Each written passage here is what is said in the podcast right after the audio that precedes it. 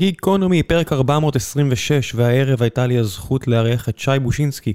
שי מלמד במחלקה למדעי המחשב כבר קרוב ל-20 שנה את כל הנושא של artificial intelligence, AI, כל מה שקשור ל machine learning, ML, הוא התעסק בכל הנושא של שחמט, הרבה לפני שבכלל ידעו מה זה המושגים האלה בעולם הרחב. התוכנה שפיתח ביחד עם שותפו, ג'וניור, הייתה מהטובות בעולם, ואף ניצחה את גרי קספרובב, אלוף העולם בשחמט.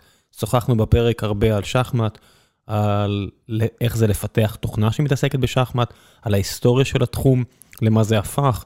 הזכרנו כמובן את דיפ מיינד וגוגל ואלפא גו וגרי קספרו ושלל סיפורים שעבור מישהו כמוני שמאוד אוהב את המשחק הזה ומאוד אוהב אלגוריתמיקה, תענוג גדול לשמוע אדם כמו שי מדבר עליו. ולפני שנגיע לפרק המעניין הזה, אני רק רוצה לספר לכם על נותני החסות שלנו. והפעם זה פודקאסט אחר, פודקאסט בשם זה הזמן. אם אתם הורים לילדים בגילאי ההתבגרות, אתם בטח יודעים עד כמה נושא המיניות הוא חשוב ועד כמה קריטי לדבר איתם ולתמוך בהם בשלב הזה. פעם היה איזושהי מניעה ואני מניח שכמוני וכמו אחרים פחות אה, דיברו על הנושאים האלה, אבל לאחרונה סיפרתי לכם שאני וזוגתי בדיוק ראינו את הסדרה It's a Sin, סדרה נהדרת ב-yes שעוסקת בקהילת הלהט"בים בלונדון בשנות ה-80. ויש שם הרבה על, איידס ויופי יופי של סדרה, סוחטת את, ה, את הלב כמו שצריך, אבל היא גם מראה בצורה באמת מפעימה, עד כמה חשובה התמיכה של המשפחה, הכלה, ולא רק מן הסתם לבני נוער להט"בים, אלא בני נוער נקודה, והנושא הכל כך חשוב הזה של מיניות. אז הפודקאסט, זה הזמן, מנסה ליצור שינוי בשיח על מיניות, הוא נותן לכם, ההורים, כלים ללוות את המתבגרים שלכם בצעדים הראשונים שלהם בעולם המיניות. הפודקאסט מופק על ידי חברת דורקס ובשיתוף עם מידע מין על מין, המרכז הישראלי לחינוך מיני. בקיצור, זה הזמן. פודקאסט על מיניות שמכוון להורים, לנערים ונערות בגילי ההתבגרות, תמצאו את זה יופי של דבר חשוב מאוד. ועכשיו, גיקונומי, מקווה שתהנו.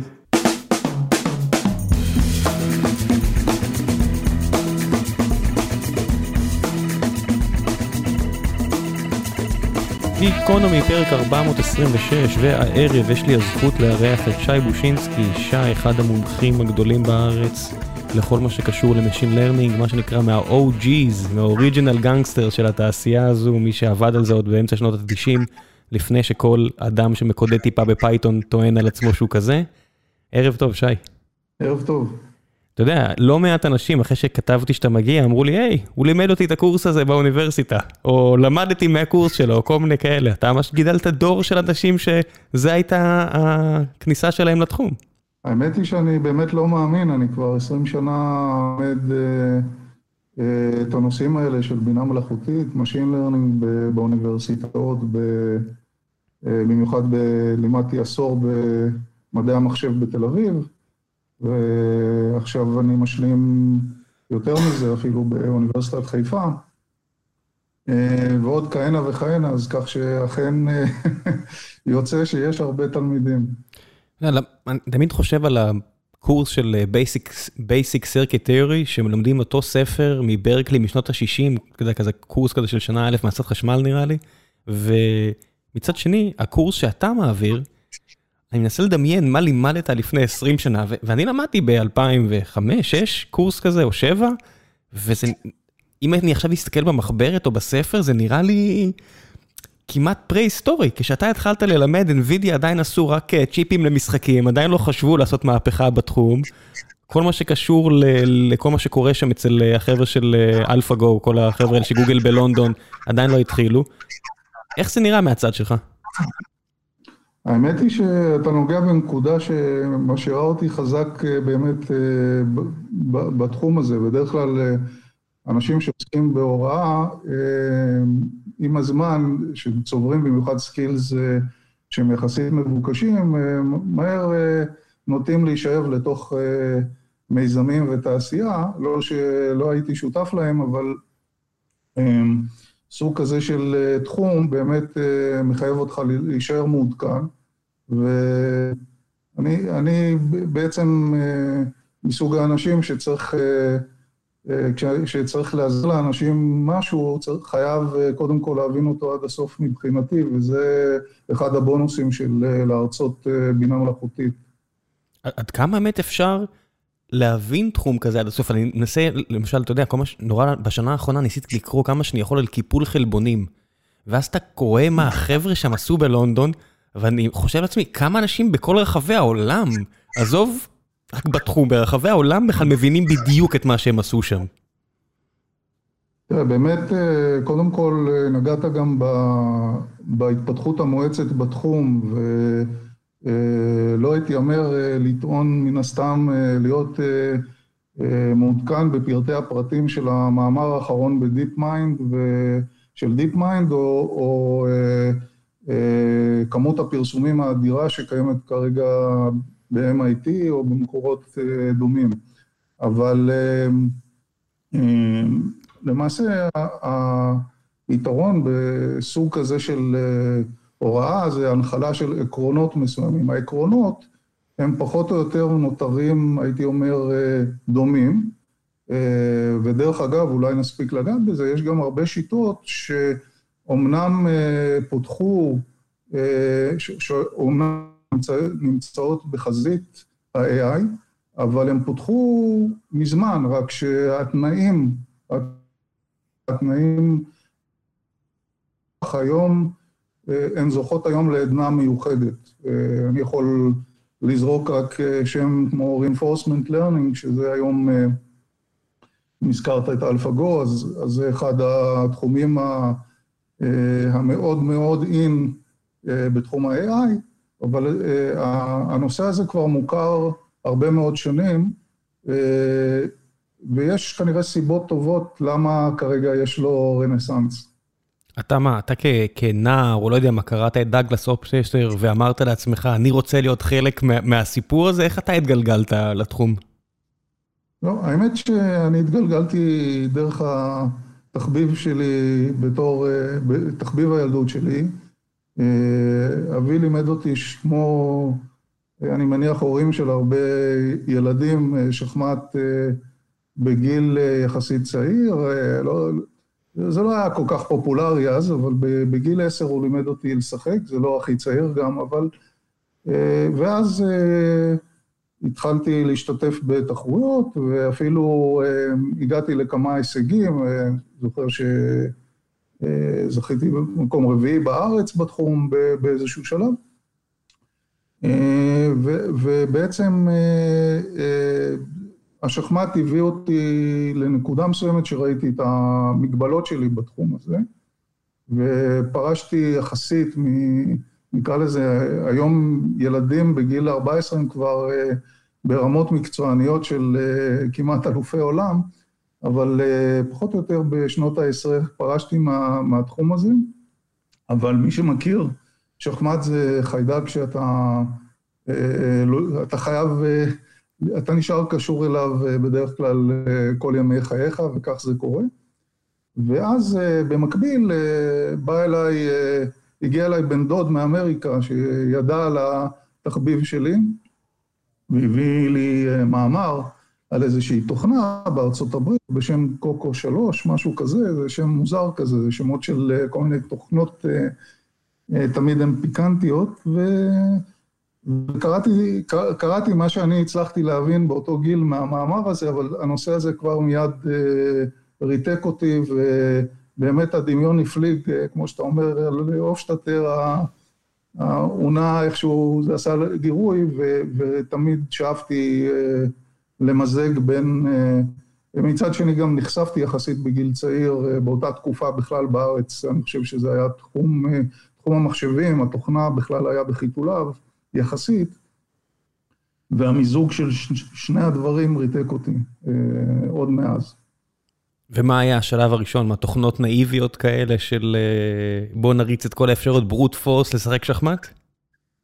לא, השלב הראשון היה דווקא מעניין, אני זכיתי לאיזושהי מלגת קיץ כזו של לימודים באוניברסיטה העברית בגיל 17, ואני זוכר שאז היה אדם בשם יופי ארצמן, שהוא היה ראש מרכז החישובים באוניברסיטה העברית, והוא הזמין אותי כי בדיוק הגיע, וזה השתלב פנטסטי, כי בדיוק הגיע אליהם מחשב שנקרא צ'ס 4.6, שהיה בעצם הגרסה אחת לפני אלופת העולם בשחמט צ'ס 4.7 מאוניברסיטת נורת ווסטרן.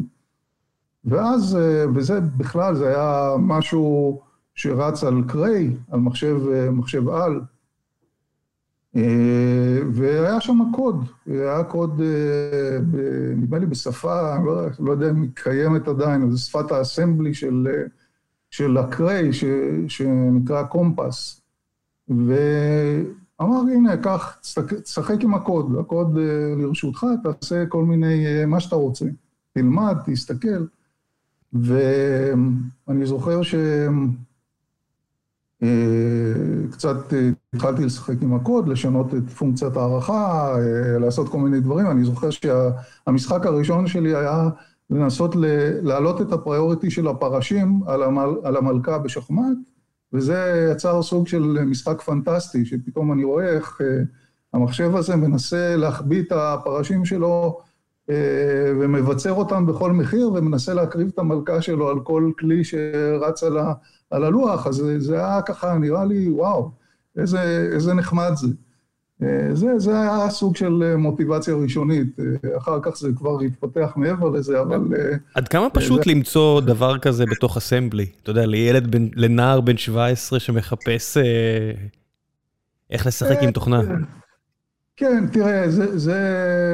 בוא נגיד, לא, לא, אני לא אגדיר את עצמי כאיזה האקר אה, מטורף כמו שיש. אה, באותה תקופה, ידיעותיי, אמנם דווקא ידעתי אסמבלר טוב, אבל אה, היה, לי, היה לנו גם מזל, כי בתיכון שלנו, אה, בתיכון מקיף יהוד, אה, בדיוק אה, משום מה, מישהו מממר"ם החליט שכדאי להתחיל את ההכשרה לממר"ם בגיל, בגיל צעיר. ואז בגיל 15 פתחו תוכנית ממר"ם אצלנו בבית ספר, מעשה די חריג, והתחלתי לעבור את הקורס, אחד הדברים הראשונים שאז למדו בממר"ם זה היה אסמבלי של IBM 370, אז זה נתן, נתן רקע טוב, בכלל אהבתי מאוד באמת את האסמבלי, היית יכול לעשות שם מה שאתה רוצה ו, ולשנות את הקוד מתוך הקוד, שזה סוג הפריקיות שכל אחד שעוסק בזה מכיר. ו...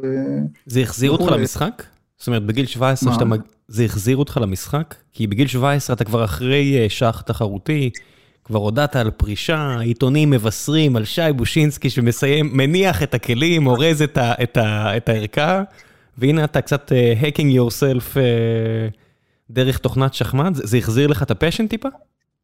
Uh, תמיד, כמו שאמרתי לך, ה passion לא מת אף פעם בתחום הזה, אבל בהחלט... Uh, שוב, הנגיעות שלי שם, אני לא הייתי מגדיר אותן בתור, אתה יודע, זה עדיין רחוקות מהעולם העולם שאחר כך נמצאתי בו, והיה בינתיים צבא, והיה, והייתי בעתודה, ואחר כך צבא, וכל כל, כל, כל התקופה הזו בוודאי שזה הסתפק במשחקי בליץ בטכניון וכולי, אבל לא, לא, לא ממש... זאת אומרת, תמיד שמרתי על קשר, גם קשר עם חבר'ה ש, שהיו איתי, שכן הגיעו רחוק.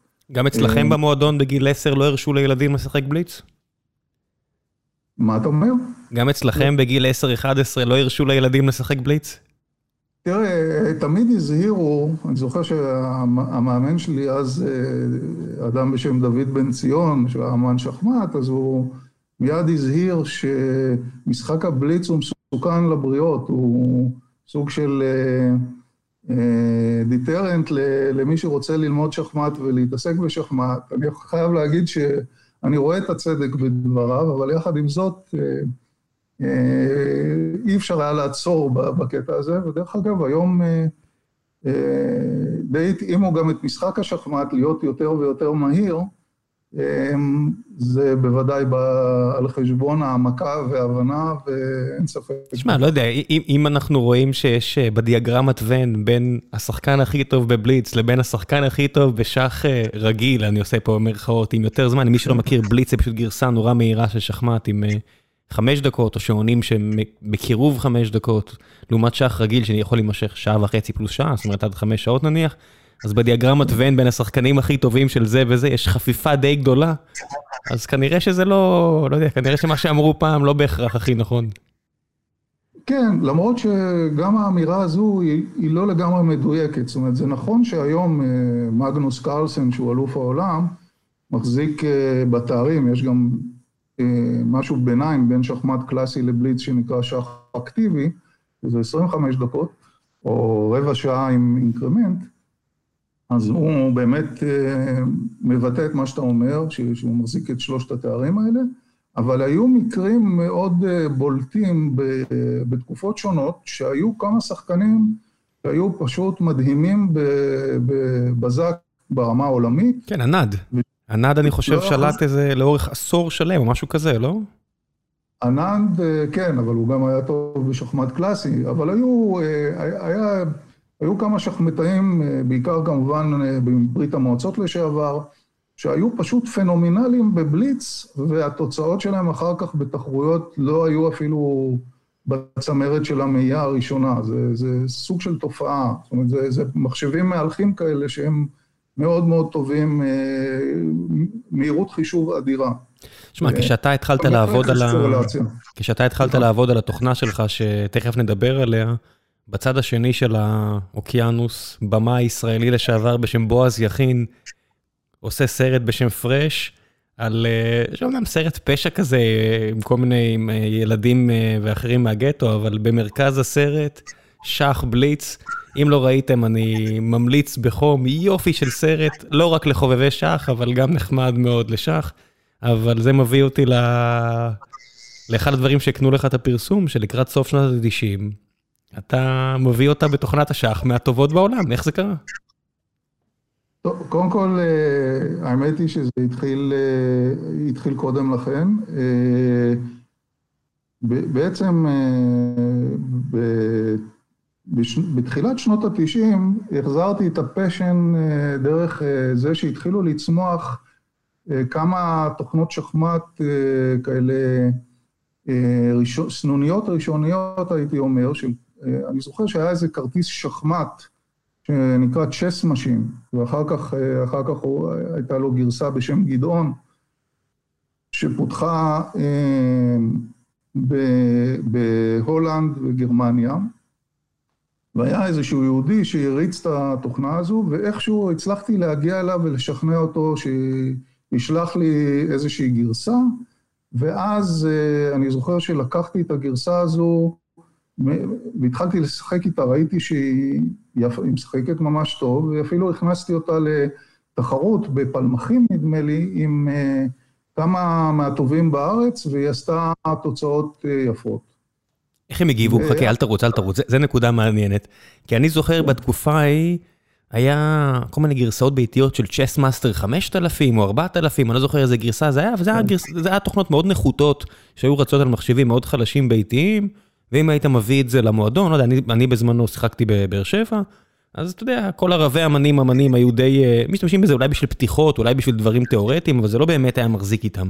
והנה אתה מביא תוכנת שחמט, והיא מביאה תוצאות לא רעות. איך אנשים הגיבו לזה? לא, אז, אז קודם כל נשים דברים בפרופורציה, כן? אז אני מדבר על הכרטיס הזה, זה היה כרטיס חומרה, עד כמה שאני זוכר, שהייחודיות שה, שלו, כמו זאת אומרת, אנחנו נמצאים כאן בשנות ה-80, אה, אה, אדם מאוד מפורסם בשם קן תומפסון מבל לאבס, הוא בעצם אה, שינה משהו בתפיסה של מחשבי שחמט, וזה הוביל בכלל לגל שלם של, שנקרא תיאוריית הברוט פורס, שבעצם שחמט זה עניין של חומרה חזקה, ולמעשה התוכנה שלו, שנקרא גם בלה, היא בעצם שלטה אז באליפויות העולם למחשבים, שדרך אגב כבר התחילו ב-74, אמ, ובעצם התפיסה שאפשר לצרוב אה, כרטיס ש... או, או, או, או CPU שהוא מכיל בתוכו, במקום אה, פקודות מכונה רגילות שאתה מכיר, אה, כבר נקרא לזה מערכות ייצור מסעים, שלא לומר אבלואציה.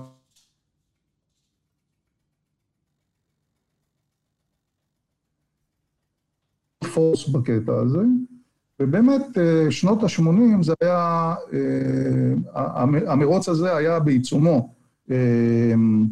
ותופעת ההארדוור המשוגע, שגם תיארתי את הקריי שהיה שם, ואחר כך לקחו את הצ'יפים האלה ו... ושכפלו אותם והפכו אותם למקביליים, ואז למעשה נוצרה Deep Thought, שלימים הפכה להיות Deep Blue. באמצעות צ'יפים ש... שהלוגיקה של השחמט כבר חצי צרובה בתוכם, הפכה את כל הסיפור הזה ל... לנחלת ה hardware. ואז אותו chess machine היה סוג של copy של האלמנט הזה באיזושהי צורה, רק שאפשר היה לשתול אותו במחשב יחסית פשוט, ככרטיס, ולשחק איתו. והוא היה, הוא היה סביר, הוא לא היה מדהים. אני זוכר שהוא, באותה תחרות, נדמה לי, הוא עשה, אני חושב, ההישג היפה שלו היה תיקו עם סמירין, זה היה איזושהי תוצאה מאוד יפה, אבל לא, לא הייתי אומר שזה היה עדיין בקליבר הזה. רק אנקדוטה קלה על קן תומסון, אותו אחד שפיתח את הבלה, אז לא מזמן גילו מה, מה הסיסמה של Unix, של, של ה kernel של Unix, אז מאחר שהוא גם היה מפתח בכיר של ה Unix, של הלינוקס אחר כך, אז הוא הראה, ראו שהסיסמה הזו זה מסעי פתיחה בשחמט. פשוט... איזו פתיחה? אנקדוטה. אבל... רגע, רגע, איזו פתיחה, שי? מה? איזו פתיחה? מסעי פתיחה באיזה, של איזה פתיחה? נדמה לי שזה היה, נדמה לי שזה היה סיציליאנית, אבל אני לא, אני, אני לא סגור על זה. זה אפשר בטח, מי שיגגל עכשיו ויחפש את הפסוורד של הקרנל של יוניקס, אז הוא ימצא בדיוק את המהלכים האלה. גדול. אז בכל אופן, אז בעצם, והתחלתי לכתוב את החוויות שלי אז על הנושא הזה מול ירחון השחמט הישראלי, כתבתי כמה מאמרים על, שחמט ומחשבים, עדיין עידן שבו המפלצות שולטות, עדיין רק מחשבי על, ואפילו צמחה תיאוריה שנקראה לימים תיאוריית הברוט פורס, שבעצם ניסתה גם למצוא את ההוכחה האמפירית שככל שבעצם עומק החישוב שתוכנה מסוגלת לחשב גדל, אזי הכושר, כפי שמכירים בשחמט, הוא נמדד על ידי מד כושר שנקרא אלו, אז אפשר להראות קשר ליניארי לפי התזה הזו, תזת הברוט פורס, בין עומק החישוב לבין, לצורך העניין, הגידול באלו. אז רגע, למי שלא מכיר, מד כושר בשחמט, כמו דירוג ה-ATP בטניס, אם אתה מנצח שחקן שחזק ממך בצורה ניכרת, אתה תקבל יותר ניקוד, הוא יאבד הרבה ניקוד, שני שחקנים שמדורגים בצורה זהה, יאבדו וירוויחו את אותו כמות ניקוד, וכך הלאה. זו שיטה שבעצם מאפשרת לדרג שחקנים ברחבי העולם, וגם יוצרת תמריץ נחמד לשחק, אז לצורך העניין, השותף שלי פה לשיחה, שי, עם יותר מ-2,400 נקודות, אם הסתכלתי נכון, מה ששם אותך בדרגה לא נמוכה בכלל. לא, לא, לא, לא, בוא נשים את הדברים בדיוקם, לא, לא. זה נכון שרשום שם 2,400 נקודות, אבל המד כושר שלי הוא לא קיים קודם כל, כי אני לא... כן, כי לא שילמת לאיגוד, כן, מה לעשות. לבית, אני לא מגיע למד כושר הזה, זה מד כושר גבוה מאוד יחסית אליי, אני לא הייתי מעריך את עצמי ככה, אני... אני, אני מעל הממוצע, אבל לא... לצורך לא, העניין, לא... השחקנים הטובים בעולם מסתובבים עם 2,700, 2,800 נקודות, השיא הזה שהיה שייך פעם לקספרו, והיום שייך לאלוף העולם הנוכחי, שניפץ אותו, את השיא הקודם, ובעצם הקשר ששי התייחס אליו, זה בעצם דרך להעריך עד כמה טובה תוכנת השח, באמצעות כמות החישובים שהיא מסוגלת לעשות, ולקשור את זה באיזשהו קשר ישיר עם הרמה של השחקן האנושי המקביל, בוא נגיד. זהו. אז זה בעצם הייתה התיאוריה השלטת, ואז... כן, זאת הייתה התיאוריה, וזה האקלים שאז היה, זאת אומרת, כל אליפויות העולם למחשבים הוכרעו על ידי אם זה היה קריי בליץ שזכתה, אם זה היה אותה בלה, או שזכתה, נדמה לי, אפילו חמש פעמים באליפות, ועוד, ו Deep Thought, שבעצם נוצר אז ב Carnegie Mellon על ידי גם experiment ב-VLSI, במחלקה להנדסת חשמל, עם צ'יפ שידע לחשב בבסיסו כמה מיליוני מצבים בשנייה, שזה סוג של boost לא נורמלי, אם אתה שם אותו במקביל ורותם אותו לטובת העניין. אבל שאלת איך בעצם אז התחלתי, אז למעשה, אז אחרי שפרסמתי את המאמרים האלה, אני באותה תקופה עבדתי בחברה שהיום לא קיימת, שנקראת תקם, חברת תוכנה. כן. חברת תוכנה בשם תקם, עסקנו בפיתוח מערכות צבאיות, אפרופו המצב, ועבד איתי בחור בשם ירון, שאחר כך, וכל החברה נמצאה בעתידים, ומולנו הייתה חברה שלימים התפרסמה יותר בשם M-Systems, וירון עבר מתקם ל-M-Systems, וסיפר, ואז הוא סיפר לי, מהיכרותנו הקודמת, שיש ב-M-Systems בחור ששמו אמיר בן, ושהוא כבר פיתח תוכנה שמשחקת שחמט, הוא ידע שזה הפטיש שלי, והפגיש בינינו. עכשיו, כדי לחבר את העניין, אז אמיר כבר פיתח תוכנה שמשחקת שחמט עוד בתקופתו כחייל בממקה, עוד כמה שנים קודם לכן, ונראה שהיה לו כבר ניסיון מעשי, מה שלי לא היה באותה תקופה, סביב הפיתוח עצמו, אני יותר הכרתי את הצד האפליקטיבי של העניין. ואז חברנו, ובעצם זאת הייתה לידתו של ג'וניור, נוצרה תוכנת ג'וניור, שהפריטנזיה, לא הייתה פריטנזיה גבוהה לגביה, אבל בעצם לממש אותה על PC כבר היה סוג של, נקרא לזה הישג, כי אנחנו מדברים על PC בשנת 93', היה מבוסס על פנטיום, שבדיוק יצא פחות או יותר באותה תקופה. 286, 386 כזה? כן, כן, זה היה אפילו לפני, זה היה, אני חושב שהראשון שלנו זה היה לפני ה-286, אז זה היה 80, ה-286 היה 80, ואנחנו פיתחנו את הגרסה הראשונה על XT, עד כמה שאני זוכר, וזה, וזה בעצם אה, סוג של אה, מחשב עם אה, כמות זיכרון יותר קטנה מהפלאפון שלך, עם ביצועים פחותים מהפלאפון שלך בעלים. הרבה, ההשוואה הזאת לטלפון כבר מזמן לא מחזיקה מים. זה הרבה פחות מעט, בוא נתחיל להשוות לשעון כבר עוד מעט. נכון, אבל אני רק רוצה לסבר את האוזן, כי את הפלאפון כולם מכירים, ובעצם האתגר, עצם האתגר לפתח תוכנה שמשחקת שח על כזאת ארכיטקטורה נחותה יחסית, זה כבר היה הישג בפני עצמו, וזה משהו ש... למעשה, אמיר, שהוא גם, אגב, לזכותו ייאמר שהוא חתום גם על הפטנט של הדיסק און קי, המומחיות שלו במזעור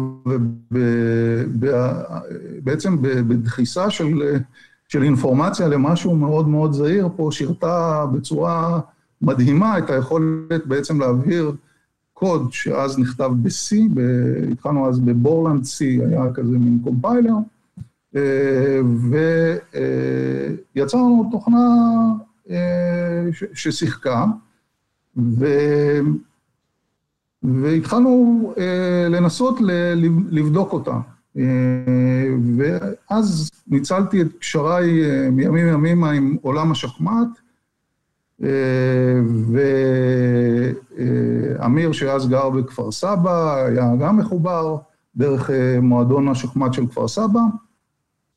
והתחלנו להפעיל את ג'וניור ככה בצורה חצי מחתרתית בתוך עולם השחמט הישראלי שאז היה קיים, עדיין במועדון. רגע, שי, אתם כתבתם את זה, התחלת מ-Hello World עד לתוכנת שחמט, או שהיה לך איזשהו בסיס שמנית מעליו? לא. הבסיס היה קוד שאמיר פיתח אז במסגרת המשחקים שלו בממקה, ההסבה הייתה לבורלנד C, והתחלנו לשפר את הבסיס של זה לאט לאט. והתחלנו לנסות לאמת את זה. זה ברמת מה? זה ברמת אופטימיזציה של הקומפיילר? זה ברמת מה? למצוא רק קומפיוט יותר מהיר, או ממש ברמת האלגוריתמיקה, וממש לחשוב על דרכים אחרות לשחק את המשחק? זאת אומרת, ביחס לתוכנות מקבילות. כי אם אתם מתחרים מעבר לים עם תוכנות שכותבים אותן בחומרה, ב-VLSI, אז מבחינת חישוביות אין לכם שום סיכוי. זאת אומרת, נכון. זה, זה, זה עולם אחר, לכתוב את זה בחומרה לעומת לכתוב את זה בתוכנה זה עולם אחר. אז אתם חייבים, אני מניח, לעשות משהו שהוא שונה לגמרי כדי לסגור את הפער הזה. אז, אז קודם כל עוד לא היו לנו פריטנזיות uh, להתחרות עם ה-VLSI. Uh, זה עוד היה סוג של הובי כזה uh, משוגע. ו, וצריך להבין ש... זה, זה סוג של פרויקט, זאת אומרת, אתה, אתה מדבר על מנוע שחמט באופן עקרוני, זה פרויקט הנדסת תוכנה אה, לכל דבר, שהוא מורכב מהרבה קומפוננטות, הוא מורכב אה, גם מהאלגוריתמיקה, שיש שם, אה, לא, היא לא מבוטלת, היא נוגעת לחיפוש, ויש מספר אלגוריתמים של חיפוש שבאים לידי ביטוי. אה, כמובן מנוע של ייצור מהלכים, יש לך את הקומפוננטה של ניהול הזמן, יש לך כמובן את הדרך שבה אתה מייצג ידע, יש לך אה, ספריית פתיחות, ספריית סיומים, אה, יש לך מערכת של אה, פרמטריזציה של כל הסיפור הזה, יש לך מערכת בדיקה לדבר הזה, יש לך... הניקוד לכל הנושא... מצב על הלוח, זה משהו שהוא constant? כן. כולם עושים את זה באותה צורה? ודאי שלא. היו הרבה ניואנסים. למשל, אז באותה תקופה של ה brute force, התיאוריה המקובלת ברוב המקרים היה לקחת את עץ החיפוש ופשוט אה, להתחיל, אה, כמו שהשם מרמז, אה, לפתח אותו as is בצורה הכי עמוקה שהטכנולוגיה מאפשרת לך. בלי שום יוריסטיקות? בלי שום, לא יודע מה, קווים לא, שלמים בעץ לא- שאתה מוריד אותם כי הם מטופשים לחלוטין? כן, אז, אז בוודאי שהיה ניסיון אה, אה, להיות אה, סלקטיביים, אבל גם הסלקטיביות אז הייתה, בוא נגיד, יחסית שולית ב... שוב, אם אנחנו חוזרים לאותה היפותזה של הקשר הלינארי לכאורה בין עומק החיפוש לבין האלו, שזה המדידה, אז, אז למעשה המטרה הייתה באמת להשיג עומק יותר גדול תמיד. והדרך לעשות את זה היא מן הסתם אה, להתפשר על מספר מהלכים שאתה לא רוצה לבדוק אותם, זה מה שנקרא גיזום או pruning אה, בצורה מדויקת, ו, אה, ואז אתה נהיה קצת יותר סלקטיבי. עכשיו, איך לממש את הסלקטיביות הזו? איך בעצם להחליט איזה, כמו שאתה אומר, איזה מהלכים להזניח ואיזה מהלכים אתה צריך לפ, לפתח יותר? כמובן שפה היו ניואנסים אה, לא ניואנסים, אלא היו אה, ממש אה, שינויים בין גישות שונות שאז היו קיימות. אחד הדברים ש, שאז היה מאוד מיוחד בג'וניור, ואנחנו לא ידענו אותו מלכתחילה, זה שיצרנו סוג של הרמוניה באלגוריתם החיפוש שלנו, שאפשר לעשות את זה בצורה יותר מוצלחת מאשר, נקרא לזה, חוקים היוריסטיים יבשים שבעצם אה, עושים את, אותו, את אותה סלקטיביות, משיגים את אותה סלקטיביות. והדרך ההרמונית ש, ש, שג'וניור, באלגוריתם החיפוש שלו השיג את זה, זה על ידי כך שהוא התייחס בצורה אה, הרמונית ל, אה, לדרך שבה כל מהלך נמדד. אה, זאת אומרת שמהלכים מסוימים שהם היו יחסית אה, אה, רגילים, הוא ספר אותם כשני מהלכים, אה, זאת אומרת, הוא פיתח אותם נניח מהלך ומהלך של היריב. מהלכים שהם היו קפואים, אז הוא ספר אותם כאחד, ומהלכים שהם יחסית היו יותר מבטיחים, אז הוא פיתח אותם לשלוש. וזה יצר סוג של הרמוניה בתוך אלגוריתם החיפוש שלו, כך ש... למעשה, באופן אינהרנטי, כל מהלך שהוא פיתח במהלך עץ החיפוש שלו, תרם לו תרומה אחרת לחישוב הכללי שלו של איזה עומק להגיע.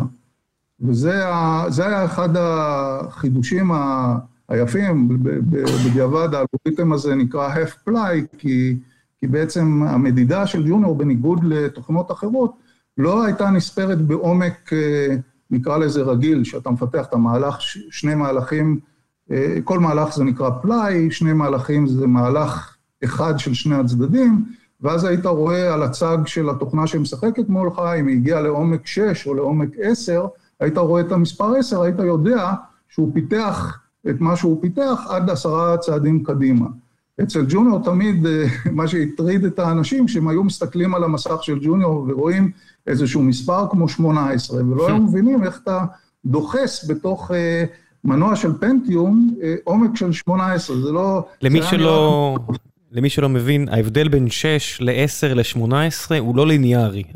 כמות הצעדים קדימה, או כמות המצבים אם רואים עשרה צעדים קדימה לעומת שש, זה לא פי שתיים, זה סביר להניח פי ארבע או פי שמונה, כי זה יגדל אקספוננציאלית במצב מלא, במצב שיש הרבה אפשרויות, וההבדל בין 10 ל-18 הוא כמעט דמיוני בחומרה כל כך חלשה כמו אותם מחשבים מ-92-93.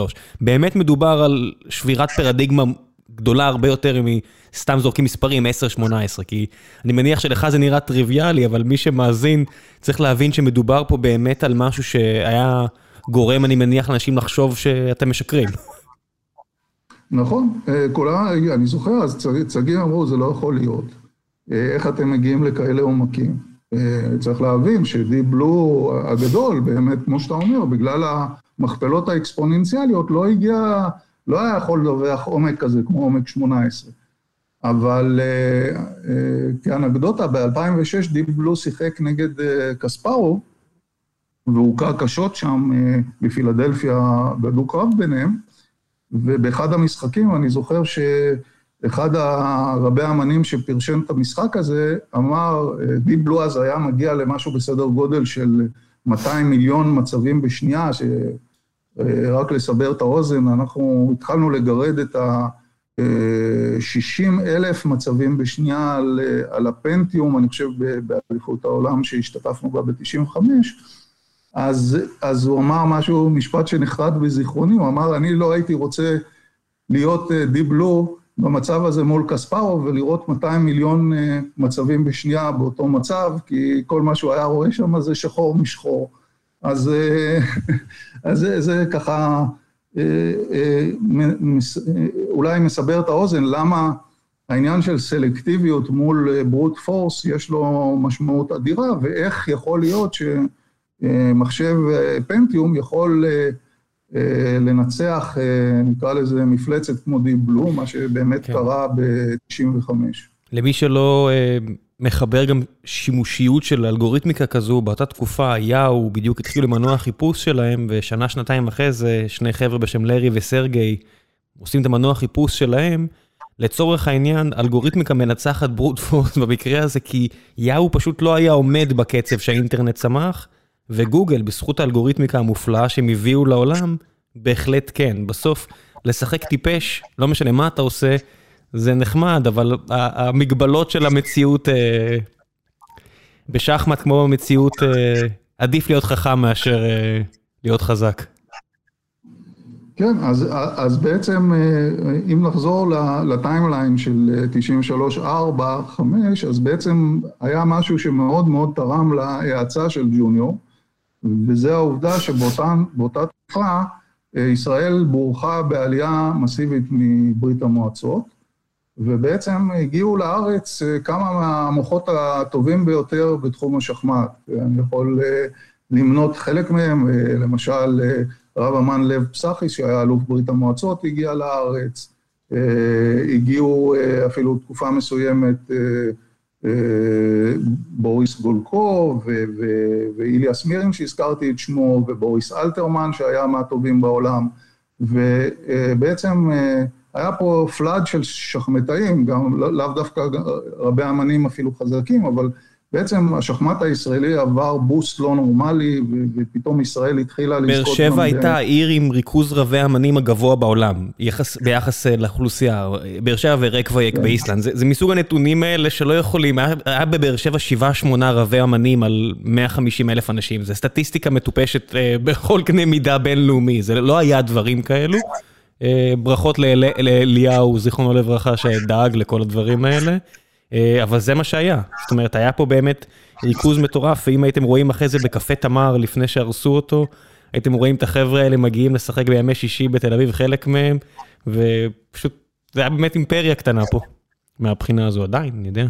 כן, כן ואז אה, בעצם גם אה, מי שעזר לנו זה אמירם קפלן, שהיה מנכ"ל האיגוד, שכנגד פרוטסט וכולי, התחיל, אה, אה, הסכים לשלב את ג'וניור בליגה הישראלית, ופתאום התחלנו לשחק נגד אה, אותם שחקנים. כשג'וניור מתפתח בצורה מותאמת ומסוגל לייצר תוצאות, אני זוכר שב-94 שיחקנו עם רב אמן חזק בשם לאוניד גופשטיין, שהוא לאוניד זבולון, גופשטיין, יש לומר, שזכרו לברכה. ובעצם ג'וניור היכה אותו, וזה היה הניצחון הראשון של ג'וניור מול רב אמן. ו, ואז uh, התחלנו לחוש בעצם שיש פה משהו שהוא באמת, uh, כלומר, uh, עוד, uh, עוד פעם, לשים דברים בקונטקסט, מחשבים עדיין נחשבו להיות uh, נחותים בצורה משמעותית, מ, uh, בוודאי מאלוף העולם שעשה מהם חוכא ואטלולא. בשלב ש... הזה אתה יכול לשחק מול התוכנה? אתה מנצח את התוכנה בשלב לא. הזה?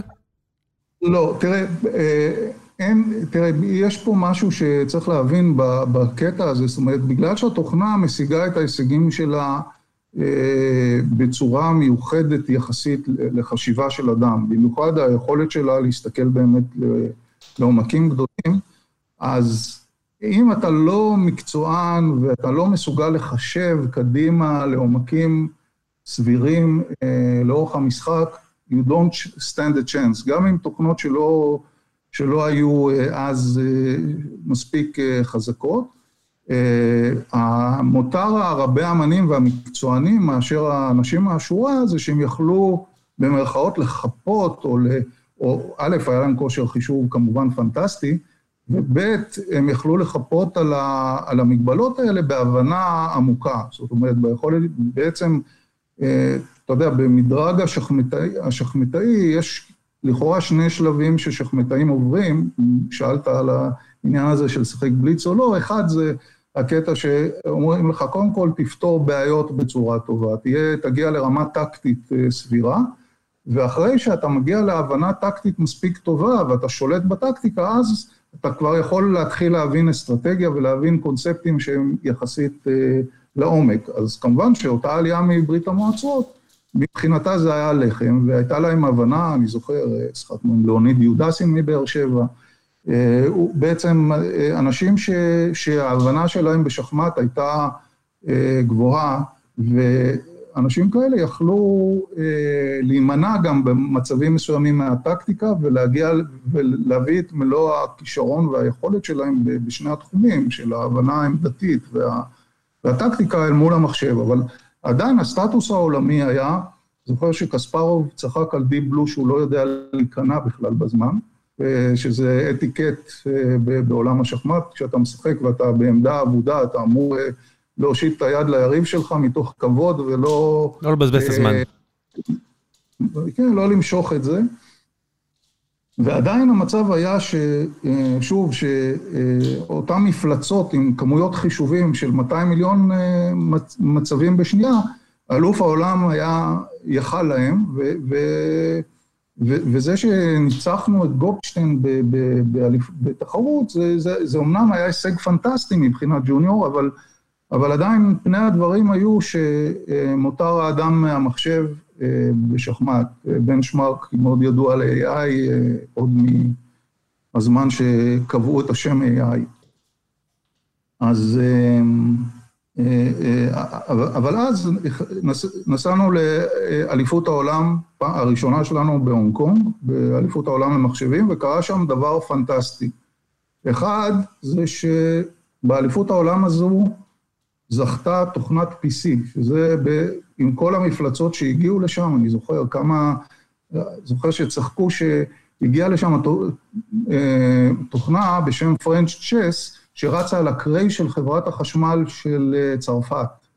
ואז אמרו שבפריז יש פחות חשמל כל פעם שהיא משחקת, אבל זה ככה אמ, אנקדוטה, כי הייתה באמת מפלצת. רגע, מה זה אומר? שמישהו עושה מהלך, ואז בן אדם על הטלפון מתקשר לבן אדם בפריז ואומר לו, אוקיי, ד' ארבע. לא יודע מה. כן, היה אז תקשורת, אה, אה, בוא נגיד, אז זה היה עוד, אני חושב, עוד לא אפילו אינטרנט, זה נקרא ביטנט, נדמה לי. היה, הייתה תקשורת מינימלית, חלק מהחברות, IBM אז שנופפו בדיפ בלו, כמובן הביאו תקשורת ייחודית לאליפות הזו, אמ, וכן, היו צורות ממסר כאלה, כל, ה, כל המחשבים הגדולים היה להם קשר אה, כלשהו, אם כבר אתה משעבד כזו תוכנה, אז יש, יש מאחורי הדולרים או, או פרנקים, שוויצ... אה, פרנקים צרפתיים אה, לא מבוטלים. אני זוכר שהופיעה שם תוכנה בשם Cilkchess מ Sandia Labs של MIT, והם היו מסודרים מבחינת תקשורת, אה, הכל היה remote. וה-PC שלנו, שאותו הפעיל אמיר באליפות הזו, אה, וקרה דבר פנטסטי, Deep Blue שכבר הכינו את, ה, אה, את יחסי הציבור שלהם, שנכחו שם, לזה שהם הולכים להתמודד והפעם לגבור על גארי קספרוב, אה, פתאום הוכו על ידי אותה פריץ, תוכנת PC מכובדת, ש, שפותחה על ידי אה, אה, גרמני והולנדי, מורש ופייסט, שבעצם ניצחה אותם, הייתה מפותחת באסמבלר דרך אגב על, על PC. ואנחנו יצאנו מקום שלישי המכובד יחד עם דיפ בלו, לבשתם הרבה, על פנטיום שעושה 60 אלף מצבים בשנייה מול אה, משהו בסדר גודל של 100 אה, מיליון, 200 מיליון מצבים. איך זה עובד? אתם, אתם לוקחים איתכם מחשב במזוודה, אתם לוקחים דיסקטים וקונים שם מחשב ומתקינים את זה על, ה, על המחשב המקומי, איך זה עבד אפילו בירוקרטית? לא, בירוקרטית, אה, אנחנו היינו נסחבים עם קופסה. הקופסה הייתה אז פנטיום, קופסה גדולה כזו שכל אחד מכיר ממארז, מה שנקרא. אה, לוקחים אותו במטוס, אה, לוקחים כמה דיסקטים לגיבוי אה, לצורך העניין, ופורקים, מתחברים לאיזה מסך שהמקומיים נותנים עם קיבורד וכולי, ומתחילים לשחק. עכשיו, המשחק עצמו, הכיף בלתכנת שחמט זה שאתה יכול לצפות גם כמובן במה שהתוכנה שלך כרגע מחשבת ואיך היא מעריכה את המצב, אבל באותה מידה, המחשב השני גם חייב להיות שקוף אליך. זאת אומרת, מאחר שאין מגע יד אדם בעניין, אז אתה בעצם רואה על מה הוא חושב ומה אתה חושב. ובדרך כלל יש איזושהי נקודה שבה אה, אתה, הוא אומר שהמחשב שלך שיכור, ואתה מסתכל על המחשב שלו ואומר, אה, וואלה, אולי הוא יודע משהו, אבל אנחנו לא מרגישים את השחררות שהוא מדווח, כי אתה רואה שפונקציית ההערכה שלו פתאום קופצת ועולה והוא מבסוט, ואתה גם מבסוט. אתה, אתה, זאת אומרת, אתה מבסוט כשכמובן שפונקציית ההערכה שלך עולה, ויש פה, פה הרבה מתח אה, שאין לך שליטה עליו בפועל, אבל אתה מסתכל כאילו על יציר כפיך משחק, ו, ויש פה התרגשות מאוד מאוד גדולה.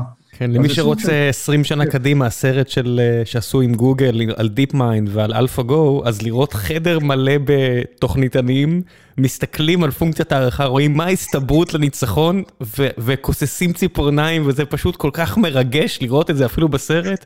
אז אצלכם זה עוד היה 20 שנה אחורה, שאף אחד לא יודע, אתם, אתם היחידים שבכלל יודעים שהדבר הזה קורה, זה לא איזה אירוע גדול בעולם, מלבד ה-IBM שרצו להפוך את זה לכזה? לגמרי, תשמע, זה האדרנלין שיש בעסק הזה, שאתה חווה אותו.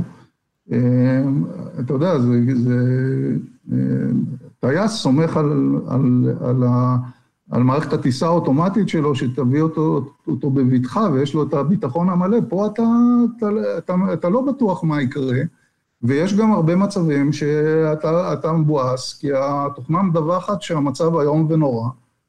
ואתה לא יודע איך, ופתאום היא מוצאת איזה משהו, ואז אתה בכלל, אתה באופוריה. זה קצת uh, כמו רוברט היינלן, הריצאי הלבנה, יש איזה ספר שלו שיש שם דמות של uh, מחשב שכל הזמן פולט מה ההסתברות לכך שהם יצאו מהסיטואציה שבה הם נמצאים. אחלה ספר, אם זיכרוני נמטה אותי, לא קראתי אותו כבר בטח איזה 20-25 שנה, קצת פשיסטי לי להיום, אבל uh, תקראו, זכור לי שזה יופי של יצירה ספרותית עם uh, הרבה, הרבה פלט כזה של הסתברות. ושאתם מסיימים מקום שלישי, החבר'ה של IBM לא ניגשים אליכם לשאול איך עשיתם את הפלא הזה? הם, הם מבואסים, אבל חושבים שזה יד המזל. זה אה, לא... מה זה מזל? זה לא שש-בש, זה שחמט, מה זה יד המזל? זאת אומרת, אה, תראה, אה, הם, הם, ברור שהם מבואסים, ברור שהם הולכים הביתה ועושים שיעורי בית, וברור שהם מנתחים את המשחקים, במיוחד את המשחק היחיד שהם הפסידו לו, שזה היה משחק, אותו משחק נגד פריץ, ומנסים לעשות תיקונים בהתאם, לראות what went wrong. עכשיו, להם אין, צריך להבין שזו תקופה שעדיין אנחנו נמצאים בעידן הברוט פורס, ואין להם ממש אה, Machine Learning. הדבר היחיד שהם פרסמו באותה תקופה זה שהיה להם איזשהו אלגוריתם אה, שבעצם אה, יודע לבצע איזשהו גיזום במצבים שבהם מספר המהלכים האפשריים משתנה, זה, זה, זה בעצם הדבר היחיד שהיה להם מעבר לברוט פורס שהם פרסמו לפחות. אז מבחינתם, אני מתאר לעצמי שהבעיה הייתה כנראה שצריך עוד כוח חישוב, כי, כי בעצם זה מה שהם יודעים שעושה scaling למערכת כן, אבל אני, אני לא יכול לקנות את זה, זה לא אנשים טיפשים, הם שיחקו מולך, ואתה עם חומה שהיא חלשה פי שני סדרי גודל או שלושה סדרי גודל, איך הם יכולים לחזור הביתה ולהניח שהבעיה היא נטו compute? זה לא יכול להיות, אני, לא, אני פשוט לא מצליח... אה, להבין איך אנשים חכמים מגיעים למסקנה הזו כששני תוכנות, שתי תוכנות, סליחה, שרצות על חומרה חלשה, ומדובר באמת בהפרש של שניים, שלושה סדרי גודל מבחינת הקומפיוט. איך הם יכולים לחזור הביתה לארצות הברית ולהגיד, אה, נזרוק עוד קומפיוט על זה, זה ייפתר. לא, אז תראה, אז קודם כל פרויקט Deep Blue כפרויקט, אה, כן, לא, אנחנו מדברים על פרויקט אה, עתיר משאבים, היו שם נדמה לי שלושה מפתחים ועוד... אה, הם הקימו צוות של יועצים מקצועיים, של שלושה רבי אמנים חזקים אמריקאים, נדמה לי אחד צרפתי, ואני לא אומר שהם לא נגעו בסורס וכולי, אז הם שיפרו הרבה אספקטים שאפשר. אתה יכול לשפר פתיחות יותר טובות, אתה יכול לשפר את מערכת הסיום שלך, אתה יכול לשפר את חלוקת הזמן, אתה יכול לשפר... אה, כנראה גם את, אה, היו, היו שם גיזומים אה, למיניהם, אבל בגדול, גם זה מעניין, התפיסה שלהם הייתה שונה משלנו, וזה, וזה הבדל מאוד משמעותי, שדרך אגב, היום גם גוגל זה סוג של המחליף של IBM בקטע הזה.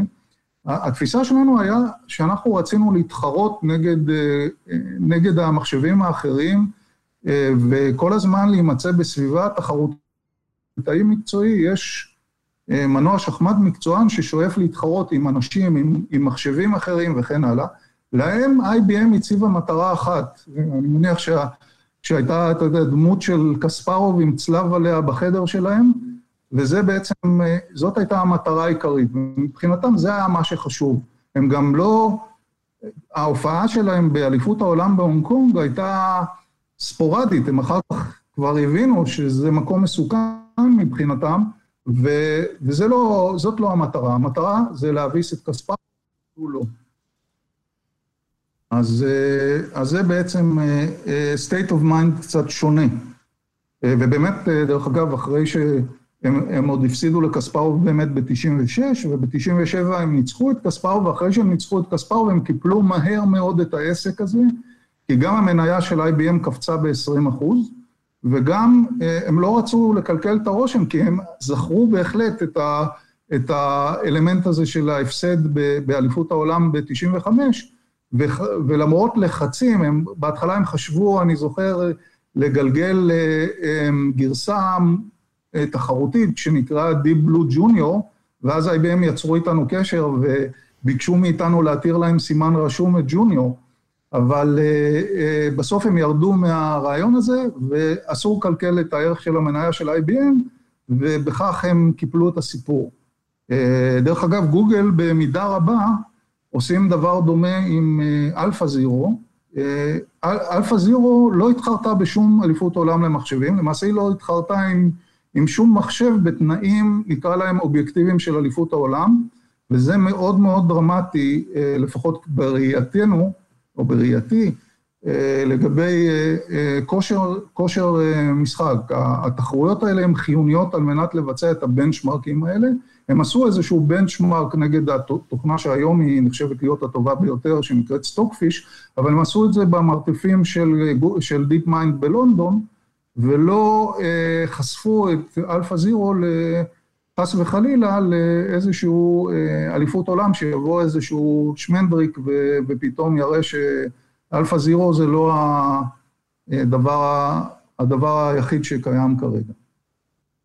אז אה, אה, אה, זאת הייתה ההתנהגות שלהם. אני, אני אעיר רק כדי לסגור את סיפור Deep Blue, או לפחות ל, ל, ל, לשים אותו בקונטקסט, בשנת 2000 ב-MIT, דוקטורנט שגם פיתח תוכנת שחמט בשם ארנסט היינץ, בדק את התזה הזו של Deep Blue, שהם פרסמו אותה דרך אגב, כך, תזת הברוט פורס, את, את הקשר הליניארי, הוא עשה את זה על ידי זה שהוא אימת את התוכנה שלו עם גרסה אה, מסורסת. זאת אומרת, כל פעם הוא, הוא סירס אותה כך שהיא חשבה לעומק עומק אה, חמש נניח, והגרסה השנייה אה, חשבה לעומק שש. ובאמת בעומקים הנמוכים הבדלי האלו היו יחסית גדולים, אבל ככל שהוא הגיע לעומקים יותר גבוהים, הוא ראה תוספת שולית פוחתת מבחינת הבדל העומק בין הגרסאות האלה, ולמעשה בכך אה, הופרכה התזה של הברוט פורס, ב, ב, לא היה צריך להפריך, להפריך אותה אמפירית, כי בעצם אה, המחשבים הגדולים פסקו להתחרות, ובעצם אה, כל התחום עבר להיות תוכנות PC, חוץ מעכשיו ש Alpha Zero קמה, אבל היא לא מתחרה, ב, היא, לא, היא גם כמו, Deep Blue רצה על צ'יפ ייעודי TPU, שזה מחשב של גוגל אה, ל deep learning, אבל אה, היא לא נמצאת בשדה התחרותי. אז בכל אופן, זה, זה מעניין, ההקבלה הזו מהבחינה הזו אה, של הסיפור. איפה זה פוגש אותך, אתה יודע, זה שהתעסקת עם משחקים ועדיין השימושים האלה משחקים, אפילו 20 שנה לאחר מכן, גוגל הגדולה עדיין משתמשת במשחק כדי להוכיח את היכולות שלה, של החבר'ה הכי נחשבים בחברה בכל הנוגע, למרות שפה בארץ כועסים עליי שאני אומר את זה, הם באיזושהי תחרות איתם נראה לי, אה, עם, עם DeepMind החוקרים פה בארץ, אבל בכל זאת גוגל משתמשת בחבר'ה בלונדון בשביל, במשחקים בשביל להוכיח יכולות. איפה זה פוגש אותך ביחס למחשבות שלך, ליכולת לחקות אינטליגנציה אמיתית, או מחשבה, אתה יודע, general purpose intelligence, כשאתה רואה את מה עושים בסוף אה, עם כל הפונקציות הערכה האלה למשחקים? תראה, אמ, קודם כל אני אזכיר לך, אנחנו לא היינו Deep Blue ולא היינו אה, Deep Mind, זאת אומרת היינו שני חבר'ה מהארץ שניסו לקדם אה, פרויקט אה, PC ג'וניור ובאמת במאמר מוסגר גם ב-97 זכינו באליפות העולם הראשונה שלנו בפריז. אמ, לשנינו היה די ג'וב, שנינו עסקנו, אמיר, ב-M Systems, שכמובן אין צורך להרחיב לגביה. ואני תגיד, תגיד, דוב מורן, סיסטם, אה, מאזין הפוד אה, איתי גולדה גם אה, היה מעורב שם, הרבה חבר'ה מאוד מאוד טובים, אחת החברות המפוארות שגדלו בארץ, השפעה אמיתית על כל העולם. בדיוק.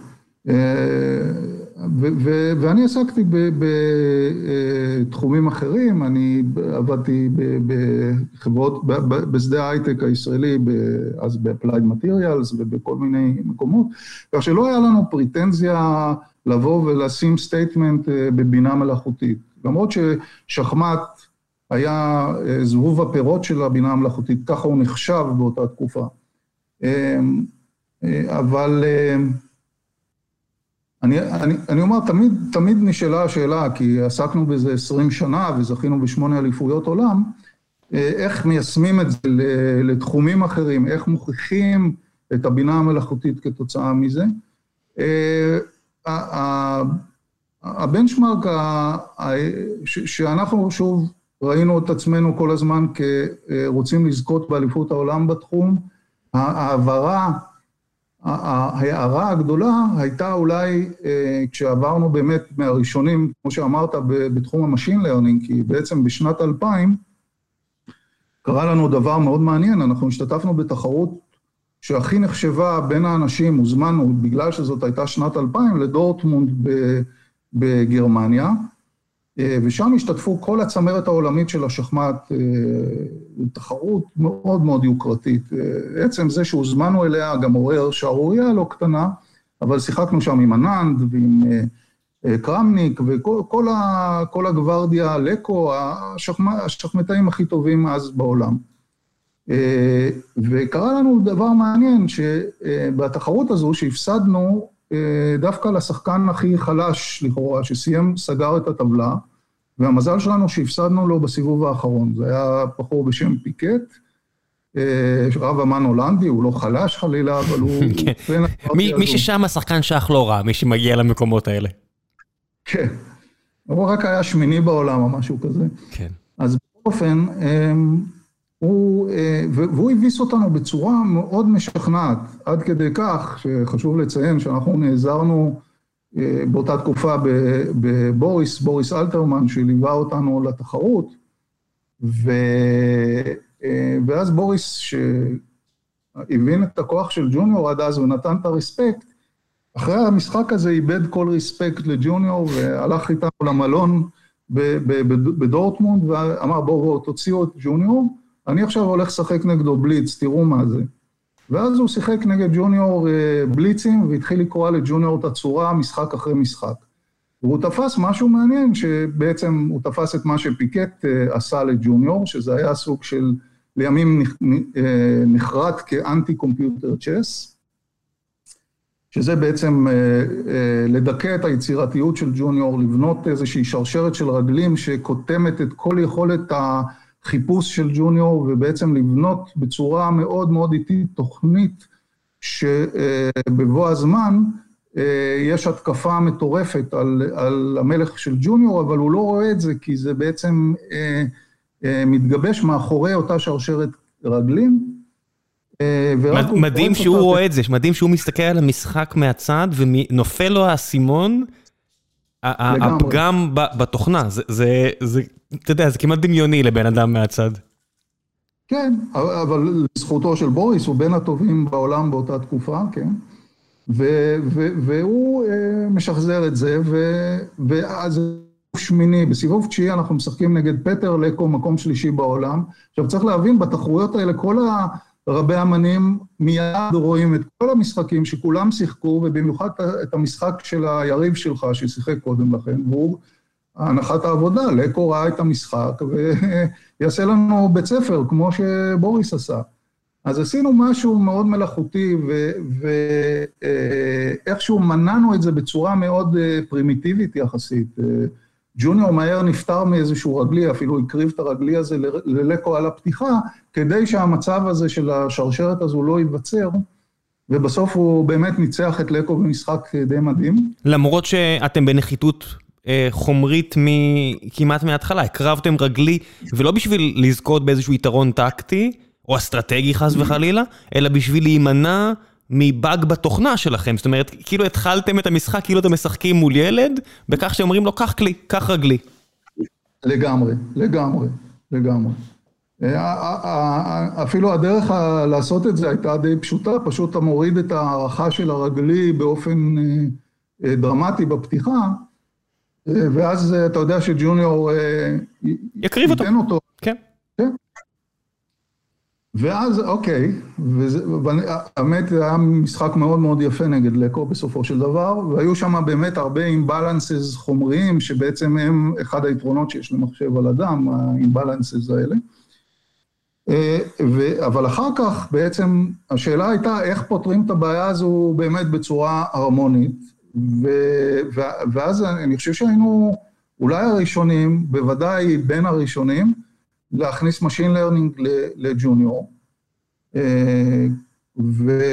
ובעצם נוצרה גרסה, אז היינו בגרסה 6, זה, גרסה 7 הייתה פשוט פנומנלית וגם זכתה באליפות העולם בשנת, בשנת 2000 ובשנת 2001 ובשנת 2000. רגע, רגע, רגע, אתה רץ עכשיו ואתה נצמד לשח. הקפיצה הזו בין גרסה 6 לגרסה 7, מבחינה אלגוריתמית נטו, היה שם באמת אה, ליפ, באמת קפיצה רעיונית? זאת אומרת, זה באמת, אני מניח שזה לא רשת ניורונים, זה לא כל הדברים האלה שקפצו בעשור קדימה או עשור וחצי קדימה, זאת אומרת, מה עשיתם שם מבחינה אלגוריתמית, ואיך זה לא קיבל יותר uh, תשומת לב? לא, קודם כל, תראה, עוד פעם, אנחנו בסביבה תחרותית.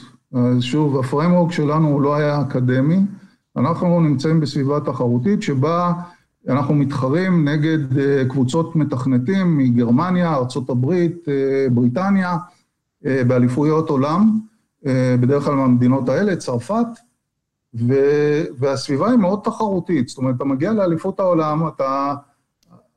כל קבוצה מפרסמת את הגרסאות שלה, בין אם בצורה מסחרית או בצורה חופשית. הגרסאות הקודמות זמינות ויש גם אינטרפייס אה, שהוא אה, מאפשר לך לחבר את התוכנה שלך ולהתחרות איתם, וכולם נמצאים במרוץ חימוש של להביא את הגרסה הבאה שתיתן את המכה באליפות העולם הבאה או בתחרות הבאה שאתה משתתף בה. זה, זה תנאי המשחק. ומהבחינה הזו אנחנו אה, סוג של, אה, אתה יודע, אנחנו במצב תחרותי שומרים את, ה, את, ה, את הפיתוחים שלנו, אנחנו לא מוציאים paper על, ה, על ה machine learning הזה, אה, ו, ובעצם אה, אה, מתחילים, עכשיו מה היה שם? היה שם גם תפיסה שלימים שופרה מאוד, של איזשהו פיתוח מאוד יפה, של איך בעצם לתפוס את המושג אפס כמה שזה נשמע מוזר בהערכה, שעד אז הערכת האפס הייתה הערכה של תיקו בלבד, ואנחנו נתנו לה אינטרפרטציה נוספת, שהיא האינטרפרטציה של אה, גם סיכויים דו-צדדיים לשני הצדדים, וגם אה, אה, ההשפעה של Machine Learning הייתה לכל אורך הקוד של ג'וניור, זאת אומרת, יש שם גם השפיע על החיפוש, גם השפיע על הערכה, אה, אה, גם אותו אלגוריתם חיפוש שסיפרתי לך עליו אה, הושפע מהמערכת הזו, גם כל מיני דברים שקשורים בפרה-פרוססינג שאתה עושה על המצב לפני שאתה בעצם מחשב אותו כדי להשיג את האבלואציה. זה השפיע על כל הדברים האלה, וגם לבנות מערכת, Machine Learning, שכוללת בחירה של משחקים, איך, למה, איזה משחקים ללמוד, איזה מצבים ללמוד, אה, מה הפידבק מהלמידה, איזה הערכה יש. יש פה הרבה עבודה שנעשתה מסביב. זה עדיין כתוב ב-C בשלב הזה? עדיין כתוב C++. זה okay. היה אוקיי. כתוב ב-C++. אה, סוג של object oriented שהוא היה מותאם מאוד לשפת שחמט כזו. זאת אומרת, אה, בעצם זה היה גם אחד הדברים הייחודיים יחסית לאותה תקופה של ג'וניור. אף אחד לא העז לכתוב בשפות יותר גבוהות כמו Prolog או משהו מהסוג הזה. אלא אה, כולם היו פחות או יותר או סביב C או סביב אסמבלי. וג'וניור היה C++ כזה מאוד מותאם, מאוד יפה, עם שפת שחמט בנויה בתוכו, שמאפשרת לייצג ידע בצורה יחסית חכמה, אה, ואפשר אה, לבטא כל מיני קונספטים באמצעות הקוד הזה. מה, זה ממש נוטציות? זה, מה, מה עשיתם שם? מה שיניתם את הקומפיילר כדי לייעל אותו? לא, לא, לא שינינו את הקומפיילר כדי לייעל אותו, אבל אנחנו עשינו, השפה שבה, זאת אומרת, כתב, הייתה שכבה שבעצם דיברה על דברים מהסוג של איך אתה מעריך עמדה, זאת אומרת, למשל, כל מיני קונספטים כמו, נגיד, אה, אה, ריתוק או, או חסימה או, או אה, קונספטים אחרים, שהם קשורים בהערכת עמדה, הם, הם כולם נצרבו בקוד בתור איזשהו pattern שיכולת לעשות לו reuse ויכולת להשתמש בו לטובת הבאה של קונספטים אחרים. זאת אומרת, היה שפת שחמט מעל, מעל ל-C++ כזו, וגם השימוש ב-C++ היה מאוד מושכל, כי אתה יכול לעשות שם דברים שהם... עוד פעם, אנחנו חיים במציאות שה-resources הם מאוד לא נדיבים, הסביבת תוכנה היא קטנה וכולי. אה, כאן המקום גם לציין שב-97 היינו הראשונים שיצאו, אה, אה, אז זה היה, אמיר פיתח אלגוריתם שיודע לבצע, למקבל את ג'וניור על פנטיום. זה היה בעצם, יצא הצ'יפ של פנטיום הראשון, דואל פנטיום זה נקרא, והיינו ה-PC הראשון שבעצם הריץ את התוכנה שלו על שני מעבדים חלשים שהיו אז אה, בצורה ממוקבלת, מה שאחר כך אפשר לנו קצת לעלות בסקייל, כששיחקנו כבר ב-2003 אה, זה היה נגד קספרוב, עבדנו כבר עם שמונה ליבות, שזה היה כבר אה, הישג מאוד מאוד מאוד מאוד יפה, עם אותו אלגוריתם מקבול, שהוא לכשעצמו גם פרויקט מרשים, אני חושב. אינטל עזרו לכם במשהו? אינטל חיפה, עם כל הפיתוח, אינטל חיפה, כל הקבוצה הזאת שם שמנסה לסחוט אמיץ מהמעבדים שלהם. בסופו של דבר שיש שם אנשים שזו העבודה שלהם, למצוא את הדוגמאות לסחיטת מיץ כזו מהמעבדים. הם ידעו על מה אתם עושים וניסו לעזור לכם? כן, אז, אז אני, אני באמת אז פניתי לאינטל חיפה וניסיתי אה, לערב אותם בפרויקט. אני אומר שהם היו נדיבים כלפינו אה, מאוד במובן שהם נתנו לנו את הפלטפורמות חדשות יחסית של אינטל. אומרת, אני זוכר אז היה, הם יצאו עם הוודקרסט, נדמה לי, שזה היה שמונה ליבות, אז הם נתנו לנו את הגישה להשתמש ב-PC הזה לטובת העניין. הם, הם גם קצת הסבירו לנו, אז היה הנושא של, הם, בפירם, לא בפירמוור, אבל במיקרו-קוד יכולת לבצע כמה פעולות בצורה, המעבד יכול היה לבצע כמה פעולות בצורה ממוקבלת, והם הסבירו לנו על ה... הפעולות המיוחדות האלה, פעולות וקטוריות שהיית יכול לבצע. אמ, זה, זה בעצם הייתה המעורבות שלהם, ובהחלט היינו אסירי תודה, אנחנו אסירי תודה עד היום, שהם תמכו בנו בפלטפורמה, בפלטפורמות היחסית חדשות שהם נתנו לנו. אמ, אה, זה לא היה מעבר לזה באיזושהי צורה. בוא נעשה קצת אה, שאלות מן הקהל. אה, לפני שנגיע כן. לשלב השאלות מן הקהל, עצירה למען דבר החסות. היי hey, חבר'ה, לפני שנחזור לפרק עם שי, אני רוצה לספר לכם על נותני החסות, והפעם זו חברת טוסית, מלשון לשבת, 2SIT, חברת טוסית שאולם התצוגה שלה נמצא מול קניון איילון בבני ברק, היא מקום שאני אישית מאוד אוהב, בעיקר, אני מודה, בגלל הבעלים שלה. הבעלים שלה בחור יחסית צעיר בשם ניב טוסיאנו. אוהב לשחק שח. זו גם הסיבה שהוא חשב על החסות בפרק הזה, שפגשתי אותו באותו עולם תצוגה מול אה, קניון איילון, מהר מאוד איכשהו הגענו לדבר על שחמט, והוא סיפר לי על כמה הוא מצא אה, פתאום את המשחק הזה משום מקום, והתאהב בו באמצע החיים, ועכשיו הוא באובססיה גדולה עליו. אז היה לי כיף גדול לדבר איתו, והיה לי לא פחות כיף לשמוע על העסק הזה שהוא הבעלים שלו היום, זה עסק משפחתי. שאביו הקים בזמנו, והוא אחד מהמוצלחים בארץ בכל הנוגע לריהוט משרדי. הם טובים גם בעס... בלרהט עסקים ענקיים, כאלה שיש להם מאות ואף אלפי עובדים, הם היו גם בפרויקטים כאלו, אבל גם למשרדים הרבה יותר קטנים. אז אם אתם עכשיו מקימים חברה חדשה, חברת סטארט-אפ או משהו כזה, עם שלושה, ארבעה עובדים, או אפילו שני עובדים, אתם יכולים להגיע אליהם וניב והאנשים הטובים שעובדים בחברה הזו יעזרו לכם. וכיוון שאתם יודעים שאני לא סתם מדבר, אלא גם בודק בעצמי, הלכתי לשם ורכשתי כיסא לאחד העובדים שלנו שיש לו בעיות בגב, אז הוא הלך ומצא את הכיסא שמתאים לו, והם התאימו לו בדיוק את מה שהוא צריך ובדיוק בתקציב שחיפשנו. חוויית קנייה מהדרגה הראשונה, כיסאות מעולים שמייצרים חלק בארץ, חלק מיובאים, יש להם אה, מפעל גם בארץ מהרכבה ועד אה, ייצור.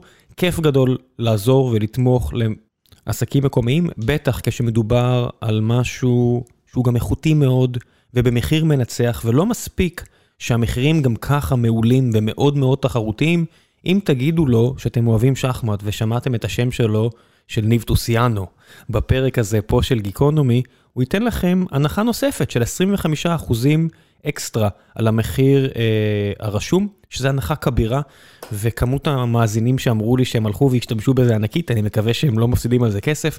הכיסאות מעולים, אני כאמור רכשתי שם מאוד מאוד מרוצה, ואני יודע שכשאנחנו עכשיו נעבור למשרדים גדולים יותר במסגרת סטרים אלמנטס, אז אנחנו נלך ונקנה גם שם שוב ריהוט. זהו, חברת טו סיט מול קניון איילון, כנסו לאתר שלהם, יופי של דבר, אם אתם יכולים תגיעו, כי לא קונים אה, ריהוט בלי באמת לבדוק את זה. אני אישית ממליץ, אולי הוא חושב אחרת, אז דברו איתם ישירות. ועכשיו, בחזרה לפרק עם שי. נקווה שאתם נהנים. וחזרנו, פורום החיים עצמם של גיקונומי, כל מי שרוצה להשאיר שאלות לאורחים, אני מפרסם יום לפני שהאורחים מגיעים את זהות האורח, ואז אפשר להשאיר שאלות. אה, בואו נתחיל. אה, גיא הורוביץ שואל, שי היה שותף למיזם שנקרא Club Kasparov, או Kasparov Chess University, סיפור מרתק עם הרבה לקחים על יזמות, פוליטיקה של רבי אמנים ועוד. האם אתה יכול לספר קצת על זה? כן, בהחלט. אמ,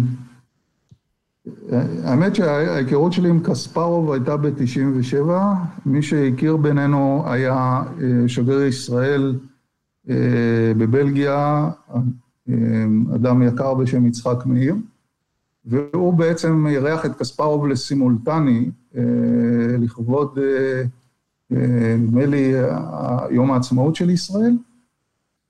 ואחר, והוא הכיר אותי והוא יצר בינינו את ההיכרות. עכשיו, קספרוב ב-97' רצה אה, למנף את המשחק שעומד להיות במאי אה, מול דיפ בלו, והקשר שלו עם IBM מן הסתם אז היה מאוד מאוד חם, ואז הוא הזמין אותי למוסקבה, אה, יחד עם ידיד שלי אחר, עמנואל מנצ'ר, וטסנו לשם, כשהרעיון היה להקים מיזם שחמט יחד עם IBM, מיזם ראשון באינטרנט שמציג את עולם השחמט לקהל הרחב. אה, עכשיו, כל, כל הסיפור במוסקבה היה מאוד מעניין, אבל אני לא אעלה אתכם על ההכנות של קספרוב נגד דיבלו וה, והדברים שהוא שאל אותי באותה תקופה, אבל... מה, אה, ניסה להבין ממך איך ראש של מחשב עובד? אה, היה ההפך, אני חושב שהוא לקה, אני ניסיתי להזהיר אותו, אבל הוא לקה קצת, אני אומר, בין אם בשאננות, כי היו לו כבר כל כך הרבה מפגשים עם דיפ בלו שהסתיימו בצורה כל כך חלקה לזכותו, וגם היו דברים בסיסיים שהוא ממש לא הבין. אני זוכר שספריית הפתיחות, זה היה משהו שהוא בכלל לא הבין שדבר כזה קיים, ודרך אגב הוא הפסיד את הדו-קרב נגד דיבלו ב-97, למרבה. אה, זה שאנשים לא יודעים, בגלל ספריית פתיחות שאנשים אחרים, כמו לאוטיה אה, ובנג'מין, שני רבי אמנים ש-IBM לקחה, צרבו שם מסעי פתיחה שהוא, שהוא לא הבין בכלל מאיפה הם באו. והוא לא חושב שמחשב מסוגל לשחק בצורה כזו, אבל זה סיפור, אה, סיפור ארוך, כל המפגש האומלל של קספרוב עם Deep Blue, אבל אחרי זה הוא יצא חוצץ נגד Deep Blue, וכל המיזם הזה נפל. ואז באתי אליו ואמרתי לו, בוא ננסה ל- לעשות את המיזם הזה מול uh, משקיעים ישראלים, ופניתי ל... אז זה היה uh, פועלים השקעות נדמה לי, היה כל מיני, דרך כל מיני קשרים, ועניינתי אותם להשקיע במיזם, ובאמת uh, הם הסכימו uh, להשקיע במיזם הזה, והתחלנו לפתח את השחמט למיזם רב-ממדי שכלל גם כמו שהוא אמר, אה, אוניברסיטה ללימוד שחמט אונליין, גם את הנושא של אה, אמ, אה, תחרויות שמשודרות בשידורים חיים באינטרנט של אז, גם את הנושא של משחקים ב playing zone, שיכולת לשחק נגד מי שאתה רוצה, וגם את הנושא של חדשות ואינפורמציה על עולם השחמט. מיזם מרתק, העסקנו הרבה מאוד אנשים פה בארץ, ברוסיה, אה, ובארצות הברית במיזם הזה, אה, וגם בלונדון. אה, והבסיס היה אז, הבסיס של האינטרנט אז, חברת מירביליס, מוציאה, נמכרת ב-AOL בזכות אייבולס. זה היה המודל שהאינטרנט עבד אז, פרסום. המיזם היה יוצא מהכלל, במה שהוא הציע, וגם היו לנו המון יוזרים, מיליונים של יוזרים, אבל פתאום אה, היה גל, הגל השפל של האינטרנט, ובעצם עולם הפרסום קרס, ויחד איתו אה, קרס המיזם הזה, שהיום הוא, אחרי גמביט המלכה אה, של נטפליקס, היה, אני חושב, בוננזה מטורפת היום. אני חושב שהרבה... הרבה מיזמים דומים קמים. דרך אגב, קספרוב עצמו עכשיו החליט, לאור ההצלחה של גמבית המלכה, להחיות אותו. אבל זה היה הראשון מסוגו באינטרנט. אני גאה שהוא היה ישראלי. כן, היו שם פוליטיקות שגיא רמז אליהן, מאבקים בין גושיים, בין רוסיה, ארצות. כן, אז מאבקים בין הגושים מנעו את ההצלחה, ו... לא, אני חושב שזה היה חלק, אני חושב, ההצלחה נמנעה בגלל נפילת שוק הפרסום באינטרנט ומודל האייבולס, אבל באופן כללי אני אומר שהוא צודק שהיו שם כל מיני פוליטיקות בין אה, אה, רוסיה שניסתה להיות אה, הדומיננטית בכל מה שקשור בשחמט, בצדק אה, שם, היו שם תותחים בשחמט, לבין אה, נקרא לזה קספרו והסוכן שלו, שזה לא היה פשוט איתו, הוא, אה, הסוכן ראה באתר סוג של גוזל פרנסה מקספרוב, כי בעצם הוא היה אמור להופיע באתר הרבה, וזה היה על חשבון כל הכסף שהוא היה אמור להרוויח ממקורות אחרים. בכל אופן, אה, אבל זה, אני חושב שבשולי הדברים. בסופו של דבר, לצערי, המיזם נפל, אבל זה היה אחד המיזמים המדהימים, היה שם המון טכנולוגיה באינטרנט. של אלפיים, שזה מדהים, אבל אה, זהו. שאלת המשך פה, גלעד סיוון שואל, אז מה אתה באמת חושב על אה, The Queen's Gambit, על הסדרה של נטפליקס? סדרה מדהימה, הקשר שלה לשחמט הוא קשר תפאורתי כמובן, אמ, הוא בעצם אה, הביא את ה... הנחיל את החוויה שלי הייתה בתור בתור נער, בעולם גם הבין-גושי, שאני גדלתי על המאבק בין פישר וספסקי, כמו אנשים, בגיל, אני, אני חושב בני גילי, שראו בכל ברית המועצות, וה... אה, זה, איך קראו לו? בור, בורקוב, או הרב אמן, האלוף העולם הרוסי, בורגוב, אה, הוא בעצם סימל את כל ה... את, את החושך הרוסי והפנטזיה ש...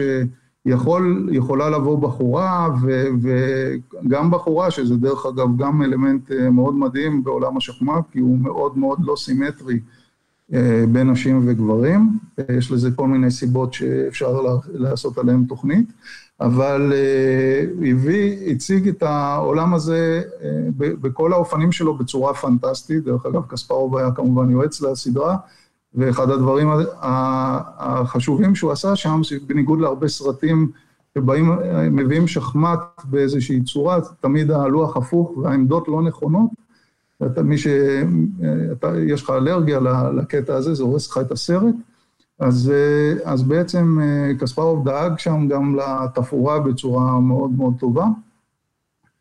ו, ו, ו, וזה מדהים, זה פשוט סוחף אנשים שפונים אליי אם אני מוכן ללמד אותם שחמט, ויש אה, התעוררות מדהימה בעקבות הסדרה הזו, ואני יודע שיש עוד אה, אה, סדרת המשך בדרך. אתה יודע שלפני, עוד לפני הסדרה, אירחנו פה בארץ, את, פה במשרד, את ראש איגוד השח העולמי, והוא הגיע בגלל, דווקא בגלל טוויץ', בגלל כמות הסטרימרים שהתחילו לשדר, והוא סיפר לנו, אני קצת אה, הייתי בשוק, למרות שאנחנו תומכים בהרבה מה, מהקריאייטורים האלה ובנינו להם את הכלים שהם צריכים כדי לצבור יותר ויותר פופולריות.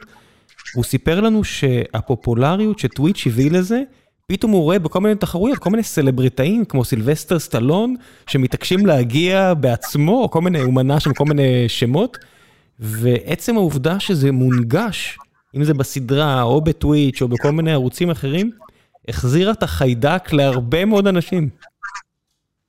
כן, למרות שאתה יודע, סלבס באופן כללי תמיד אה, סבבו ליד השחמט. אני זוכר, אפרופו Kasparov Chess, שסטינג הגיע בשידור חי אצלנו באתר. אה, היה, אה, כששיחקנו נגד קספרוב ב-2003 בדו-קרב, שחשוב לציין שג'וניור היה ה-PC הראשון שניצח אותו במשחק תחרותי, אז, אז ב-2003, הגיע מילוש פורמן, מי שמכיר מסרטים כמו אה, קן הקוקייה וכן הלאה, אה, אה, וגם ראש עיריית ניו יורק שהיה אז, זאת אומרת, הסלבריטיז שחמט זה good for them, זה, זה משהו ששם אותם בקונטקסט, בונו, שהוא הוא גם חולה שחמט בעצמו וכולי. אבל כן, הטוויץ' זה תופעה, אני מסכים איתך, היא תופעה מדהימה והיא נותנת את הכיף של לצפות בשחמטאים שמוכנים to speak their mind ולהסביר מה עובר בראשם שעה שהם משחקים, שזה אחד הדבר, הדרכים להנחיל את אהבת השחמט, אני חושב, לצופים וכולי. שעולים פה גם איליה אה, ברודר וגם אה, חבר'ה אחרים, ראיתי ששאלו על הנושא הזה שמבחוץ באמת נראה אה, מוזר. איך זה, או גם דניאל ברקן שואל, למה יש כל כך מעט נשים בעולם השחמט ולמה בכלל יש הבדל אה, מתוך ההבנה שהרי זה לא משהו פיזי, זה לא ריצה או הרמת משקולות, אז איך זה שרק אה, האחיות פולגר ורק אה, כל כך מעט הגיעו לשחק ברמה הגבוהה ביותר? כן, אז אה, אוקיי, אז קודם כל באמת נגעת, נגעת בעניין הזה של הגיעו, אז באמת מגיעות פחות, אני חושב שגם עד לא מזמן בספסל הלימודים באוניברסיטת תל אביב במדעי המחשב או באוניברסיטת חיפה, היית מוצא מינון הרבה יותר נמוך של בנות, אמ, אבל אני חושב שהמאזן השתנה בתחום הספציפי הזה. אני חושב שאתה תמצא את זה גם במקצועות המדעים, פיזיקה, מתמטיקה. אצלנו בכיתה, אה, מתוך 100 אנשים, למדתי ב-2005, מתוך 100 אנשים אה, שלמדו לעשות חשמל, 7 או 8 היו נשים. אם אני זוכר נכון, 7 או 8 היו נשים, זה כן. הכל. כן, אתה יודע, אצלי במגמה הריאלית היינו 27 בנים ושלוש בנות. אני, אני חושב שזה, קודם כל, זה, זה ג'נדר דיפרנס. אה, נשים חשבו או חושבות או חשבו אז, אני, אני שוב, אני לא רוצה לדבר על, על היום, שהתחומים הריאליים, התחומים היותר, אה, נקרא להם אה, חנונים, אה, ש, שהיום נקראים חנונים, פחות מתאימים להם, אולי מהסתכלות חברתית, אולי מהסתכלות של מה מקובל אז היה שבנות צריכות לעסוק בהם, זה, זה חלק מתופעה לאו דווקא בשחמט. יחד עם זאת, הזכרת את יהודית פולגר, דרך אגב, אנקדוטה היא בדיוק אה, הייתה פה אה, עד, עד היום, היא חוותה את האזעקות בגוש דן, ובעצם אה, היא שברה לחלוטין את, לפחות את הסטיגמה שהן לא יכולות. אני חושב שיהודית היא פשוט השיגה הישגים מדהימים, הייתה בעשירייה הראשונה בעולם, ועד היום נחשבת להיות אוטוריטה בשחמט. כך ש... זאת אומרת, זה לא...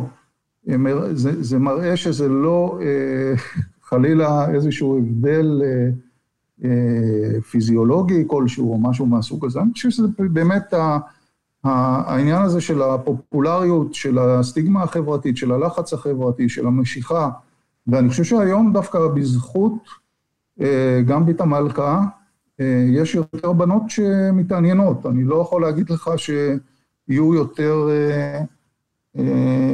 ש, שזה כבר יבוא לידי ביטוי מהר, אבל אני בטוח שהוא, שזה יבוא לידי ביטוי. עדיין יש, לצערי, ברמה העולמית אה, מרחק, אולי בגלל המסה הזו, בין אה, ההישגיות של נשים והישגיות של גברים. זאת אומרת, בצמרת. הצמרת העולמית אה, לא תמצא היום הרבה נשים, אם בכלל, אבל, אבל עוד פעם, סטטיסטיקה פה מדברת מבחינת ה... העניין הזה.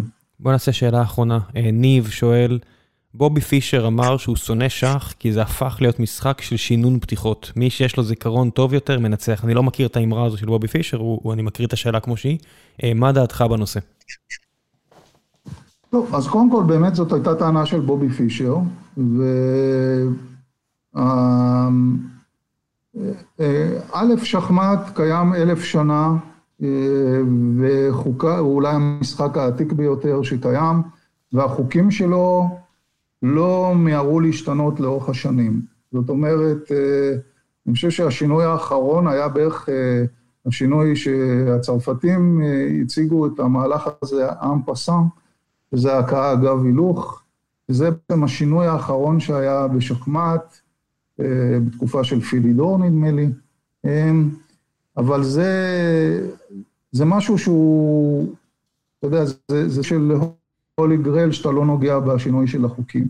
יחד עם זאת, כן, יש איזשהו עניין של שינון וזיכרון פנומינלי שנותן אה, יתרון לאנשים שיש להם זיכרון טוב אה, להצליח בשחמט.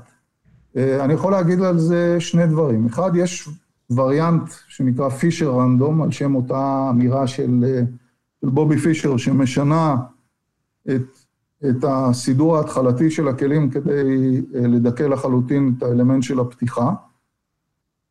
זאת אומרת, הכלים בשורה הראשונה מסתדרים בצורה רנדומית לפי הגרלה, ויש, נדמה לי, איזה מאה ומשהו קונפיגורציות אפשריות, כך שאתה לא יכול לפתח ממש פתיחות אה, אה, בסוג כזה של משחק, ומשחקים אותו שחמטאים בכירים בווריאנט הזה, אבל זה, גם נקרא צ'ס 960,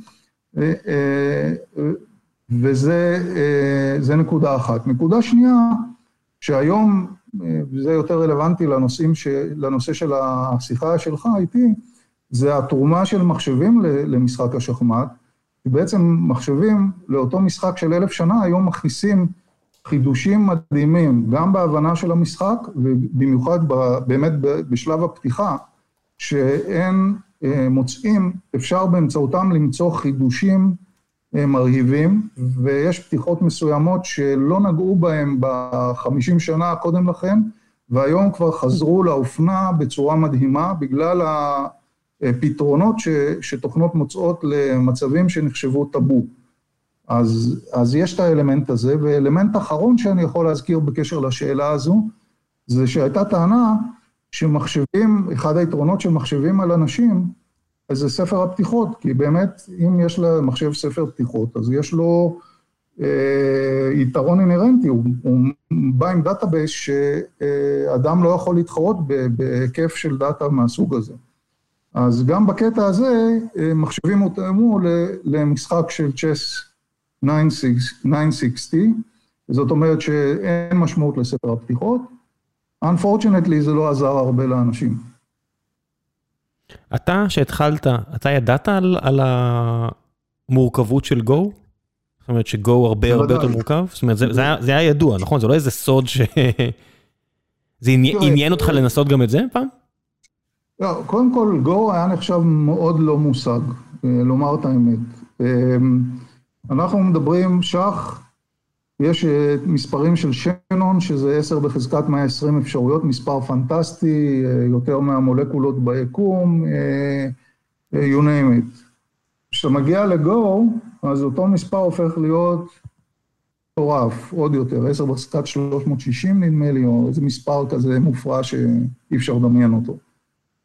אה, ובאמת, אה, כש, כששיחקנו, הרבה פעמים שיחקנו בתחרויות האלה של אליפויות העולם, אז לידינו הייתה מתנהלת אליפות עולם בגו לתוכנות. ושם המצב היה כל הזמן אומלל. זאת אומרת, היית שומע, היו נותנים איזו הנחה למחשבים, במקום לשחק גו של 20 על 20, כדי שהם בכלל יוכלו לבוא לידי ביטוי, היו נותנים להם הנחה, זה איזשהו וריאנט של גו שהוא הלוח מוקטן.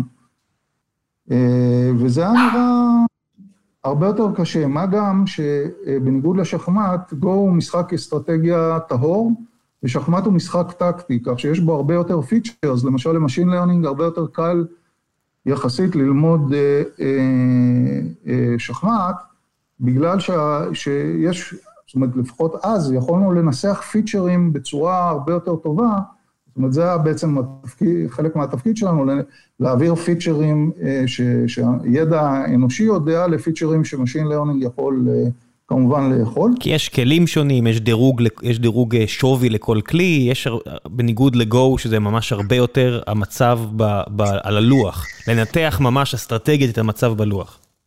מדויק.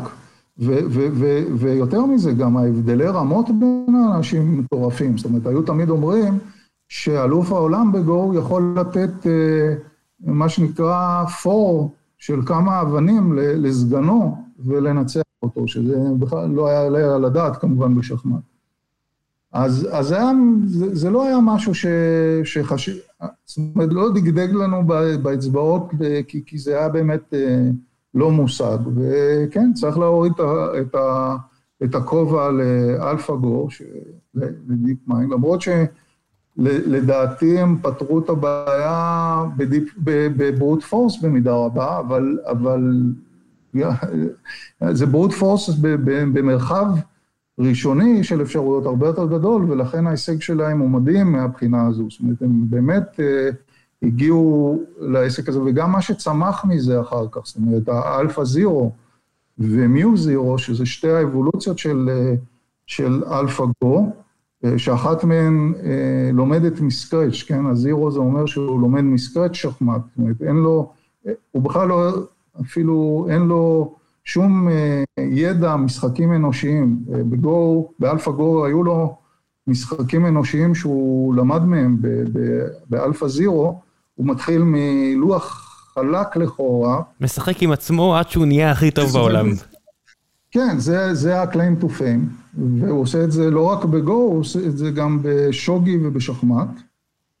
ואחר, וזה זה די, זה פנטסטי, זה גם מתחבר לשאלות שלך על אה, בינה מלאכותית ובינה מלאכותית חזקה, אה, כי הקטגוריה, שנחזור לכובע של האקדמי, של ה... של ה-AI, אז מה שאנחנו עשינו נחשב להיות סוג של בינה מלאכותית חלשה, כי אנחנו לא, מתאימים את עצמנו או בונים משהו ספציפי, מענה ספציפי לבעיה ספציפית, ומנסים להגיע לבינה מלאכותית חזקה שתהיה general אה, במובן הזה, אז לכאורה זה צעד ראשון, לכאורה, בקטע הזה שזה באמת פותר באותה שיטה גם את אה, שוגי וגם את, אה, את שחמט. ואחר כך ה MuZero, שזה עוד פיתוח אה, מאוד יפה של, אה, של DeepMind, בקטע שהוא אה, גם לא יודע את החוקים, זאת אומרת, הוא בעצם, לקחו את זה עד כמעט הקצה לגמרי, והם מפתחים את המנוע שלהם, שוב בעזרת deep learning, כוח חישוב, you name it, משאבים שאין לבני תמותה, אבל הם, אה, הם אה, לוקחים את זה עד הקצה ובאופן פנטסטי אה, גם לומדים כמו שלכאורה ילד היה לומד, אם הוא היה רק מסתכל על האבא שלו משחק ומבין מזה איך לשחק שחמט והופך להיות אלוף העולם. זו אגדה על קספרוב, לא? שהוא עמד מעל כתפו של אביו וראה בעיית שח והבין לבד את החוקים והבין, ופתר יום אחד, אתה יודע, אז אולי, לא יודעת כמה זה אמיתי או לא. אמרו את זה על קפבלנקה דווקא, אה, שהיה אלוף העולם השלישי. שחקן מקובה, אה, נכון? מה? שחקן קובאני, כן. כן. כן, אז, אז זה הסיפור, שהוא פתאום אה, ראה את ה, באמת את, ה, את האבא שלו משחק עם חברים, ופתאום הוא אמר לאבא שלו, למה אתה לא מזיז את הפרש לפה, ואבא שלו ככה נדהם. אבל כן, כן, זה, ה, זה הצעדים לכאורה בכיוון של בינה מלאכותית חזקה. אפשר להתווכח, אבל אה, בהחלט, אה, אה, שוב, השחמט מראה את, ה, את הדרך בקטע הזה של בינה מלאכותית. יפה מאוד. שי, המלצות מעבר לגמבית המלכה וללכת לראות בטוויץ' ערוצי אה, שח, כי זה כיף גדול למי שרוצה להיכנס לעניינים. אה, המלצות מהצד שלך לא חייב להיות על שח או על אה, בינה מלאכותית, אם בא לך אז בכיף, מה שבא לך. אה, טוב, אז קודם כל אתה נגעת אה, גם אה, בסרט שבאמת DeepMind הוציאו על, על המשחק שלהם ב AlphaGo, זה בנטפליקס, מי, ש, מי שרוצה לחוות את אותן חוויות נפלאות של לעמוד מאחורי המסך ולראות מה התוכנה שלך עושה, זה יופי. מבחינת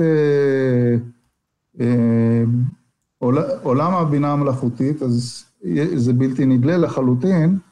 אה, יש המון אה, חומר באינטרנט, אה, מן הסתם, ביוטיוב, ששווה לראות שהם סרטונים, ל... נקרא לזה, אנשים שאין להם הרבה ידע, והם יכולים לקבל תמונה מאוד טובה על ה... לפחות על הרעיונות בבינה מלאכותית. אני אשים לינקים ל-3 brown 1 blue, או 3 blue 1 brown, לא יודע איך נקרא הערוץ הזה ביוטיוב, הוא אוקיי. מסביר שם בחמישה סרטונים של רבע שעה, אם תראו אותם כמה פעמים אתם תקלטו, אני מבטיח, הוא, הוא, הוא מסביר כל כך יפה ובצורה כל כך ויזואלית נחמדה את העקרונות, זה פשוט קסם הערוץ הזה, אני ממליץ בחום. כן, ועוד מקורות שאני אוכל לשלוח לך אם תרצה לספרות בתחום הספציפי הזה. אני, אני חייב, כן, ל... אם זה שלב הסיכום, אני חייב לומר משהו שהוא קצת חורג מה, מהתוכנית, אם אמרת שאפשר לחרוג, וזה בטח. חשוב לי לומר, אני בדרך כלל אומר את זה בתחילת ההרצאות שלי וכן הלאה. אני, לדאבוני, בשלוש שנים האחרונות הייתי מאוד חולה. לא טריוויאלי בכלל שאנחנו מדברים. אני לקיתי במחלה של אי ספיקת כליות, מחלה שהיא, unfortunately, לא כל כך לא שכיחה אצל אנשים, אבל, אבל הבעיה במחלה הזו שהיא מחלה שאתה לא, לא מרגיש שאתה חולה עד שאתה בעצם כבר מרגיש שאתה חולה, וזו סיטואציה ש, שחייבה אותי להיות מחובר למכשיר דיאליזה באופן שוטף, ובעצם להחזיק אותי דה פקטו בחי. הייתי מאושפז לאורך תקופת הקורונה ולפני כן במחלקה בתל השומר בקטע הספציפי של הדיאליזה. יש שם אנשים נפלאים והכל היה טוב, אבל רק בספטמבר שעבר, של ספטמבר 2000, בעצם יצאתי מהמצב הזה, ויצאתי מהמצב הזה בזכות אדם בשם און ארביב, שתרם לי את כלייתו. וזה לדעתי המעשה הנאצל ביותר שאדם יכול לעשות, כן? לתת איבר מגופו למישהו אחר ול, ובעצם להציל אותו. בחייו או במותו? לא, בחייו, אז, בחייו. כן, זה, אתה יודע, לתרום איברים של אדם שהלך לעולמו, כמו שקרה אתמול עם הנרצח בלינץ' בלוד, שראיתי שהמשפחה תרמה את איבריו לחמישה אנשים, זה באמת מעשה מדהים, אבל לתרום איבר כשאתה עדיין חי, זה באמת... זה באמת למעלה. אם, אם יש גן עדן, זה בטוח מקנה לך ניקוב אחד בכרטיסייה. כן, אז, אז אכן מדובר באיש מאוד מאוד מיוחד.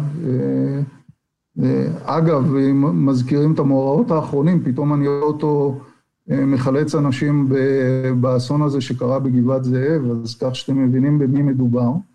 אבל זה, זה כל זה נעשה איך זה בצורה... קרה? אני חייב לשאול, איך זה מה? קרה? איך גיליתם התאמה? אז, אז זהו, אז אני חייב לומר, יש...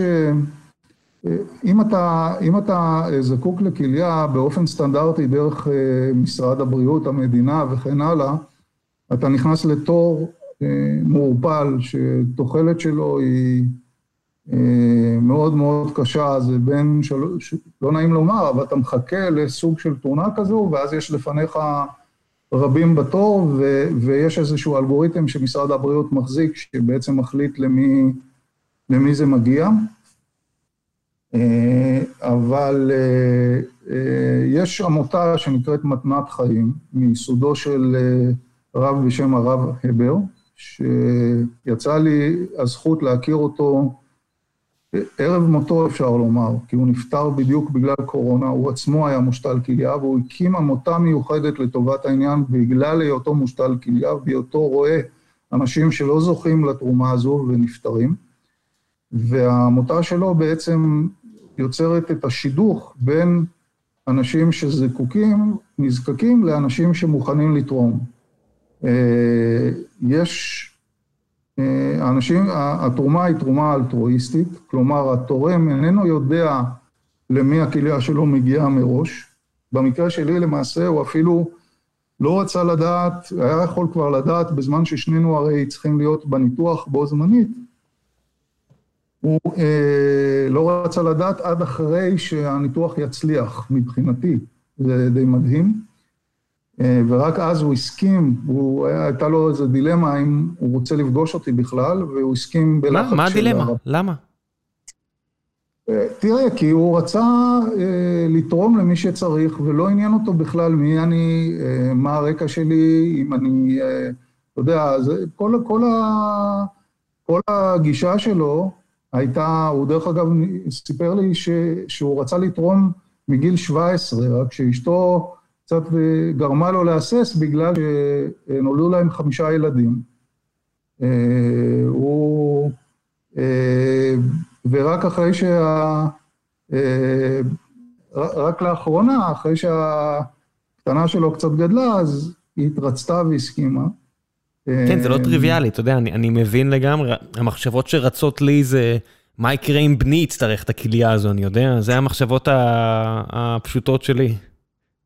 כן, אז, אז אוקיי, אז פה, פה אם תשאל אותו, אז דווקא הוא, כששואלים אותו על האלמנט הזה, וכמובן ששאלתי אותו וכן הלאה, אז הוא אמר שהוא לא, הוא רגוע בקטע הזה, כי באמת אה, מי שתורם כליה, ופה גם המטרה של להזכיר את זה, מי שתורם כליה, מקבל עדיפות עליונה, הוא ולו ולבני משפחתו, אם צריך, אם מישהו חלילה צריך כליה בהשתלה, אז הוא קופץ מעל התור. ומעבר לזה, חשוב לומר שמבחינה, מבחינתו זה no brainer, כי, כי הוא יודע, הוא אומר שהוא קודם כל חזר לעצמו, הוא השתחרר מבית החולים, נדמה לי, יום אחרי ההשתלה, והוא עד עכשיו אומר שאם לא היה בא לו לגרד את הצלקת שנוצרה לו, אז הוא בכלל לא היה מודע לזה שחסרה לו כליה, זאת אומרת, הוא בעצם מוכיח את הטענה שאנשים יכולים בהחלט לחיות עם כליה אחת, והפונקציה, אני רואה את זה בבדיקות דם שלי, כי כאילו נראה שיש לי שתי כליות פועלות. מה, מה בודקים? קריאטין וכל הדברים האלו, ואתה רואה שהמספרים בסדר? כן, לגמרי, לגמרי. אז, אז כך שאני, אני, אתה יודע, זה, זה, זה, זה, זה הקטע. אז אני חייב לומר שהשארתי מאחור, ככה אני מרגיש, הרבה אנשים שנמצאים בדיאליזה ו, וצריכים את תרומת הכליה, והעמותה הזו היא דרך מדהימה לממש את האלמנט הזה, וזה פשוט הצלה של בני אדם. אני לא הייתי... במצבי היום, שחזרתי אה, במאה אחוז ל, ליכולת שלי, אה, לא הייתי יכול, אה, אני לא יודע אם לדבר איתך, אבל זה, זה, זה בעצם משהו מדהים, שמי, שמישהו כזה יכול לבוא ולהציל אדם אחר. אז אני חייב להביא את זה לתשומת ליבם של כולם. בטח, אז, אז אני אתן לינק לעמותה, תיכנסו, תעשו מה שאתם רואים לנכון, במינימום, במינימום, במינימום, אה, זה לא כיף לדבר על זה, אבל אה, כרטיס תרומת איברים, לא שזה מחייב את המשפחה באיזושהי צורה, בסוף זה לא תהיה החלטה שלכם, זה תהיה החלטה של המשפחה שלכם, שלא לא מחויבת לעניות דעתי בארץ להתחשב ברצון שלכם, אבל במינימום להביע את ה... אם אין לכם איזושהי בעיה הלכתית, או לא יודע מה, אם אתם אנשים דתיים, או לא יודע מה, מה אכפת לכם? זו דעתי. אם קרה והלכתם לעולמכם, תסמנו את הדבר הזה, תסמנו למי שנשאר אחריכם שזה מה שרציתם, אם, אם אני, אני לא רואה סיבה שלא, לא יודע, זה במינימום. כן, אז, אז אה, כן, וגם הוא מספר, הוא, הוא עצמו דרך אגב אדם חילוני, הוא מספר שהתחושות שיש לו מהעובדה שהוא הציל אותי, הן, אה, הן תחושות שקשה לתאר מבחינת ה-reward שלו לעניין. אז אני רק מצטט אותו, אני לא יכול לבוא ולהגיד את זה על עצמי, אבל אה, זה מה שהוא אומר. אה, דרך אגב, את הסיפור שלנו, אני חושב שהוא הונצח בערוץ 13, יש סרט על ההשתלה ששנינו עברנו. איך זה נקרא? אני אחפש. אני, כן, זה... אני, אני אשלח לך את הלינק, אני, אני אמצא אותו, אני לא זוכר את השם. ברגע, ברגע שתשלח אני אוסיף אותו לפרק. מאה אחוז. יפה מאוד. שי, א' כל תודה רבה לאותו אדם שבזכותו יש לנו את הפרק הזה, כי אני מאוד נהניתי. ועכשיו תודה רבה לך, היה לי ממש ממש כיף לשוחח איתך, ואפילו אה, החברים מאז היו מספיק נחמדים כדי לתת לנו לדבר 90 דקות רצוף בלי להפריע, אז אה, אני מניח שגם תודה להם, בסרקזם ציניות, בסדר, תקפצו עליי. אה, זהו, לכו ללמוד לשחק שח, זה יופי של דבר, אתם לא חייבים להיות טובים ברמה של uh, תוכנת שח, גם להיות בינוני זה כיף בשח, זה אני יכול להגיד לכם, זה פשוט כיף גדול, ואם יש לכם ילדים אז זה בכלל יופי של זמן איכות לשחק ביחד. יאללה, תודה רבה שי. ראם, תודה רבה שאירחת אותי, לכבוד הוא לי, והיה לי גם כיף אה, לא, לא קטן לדבר איתך.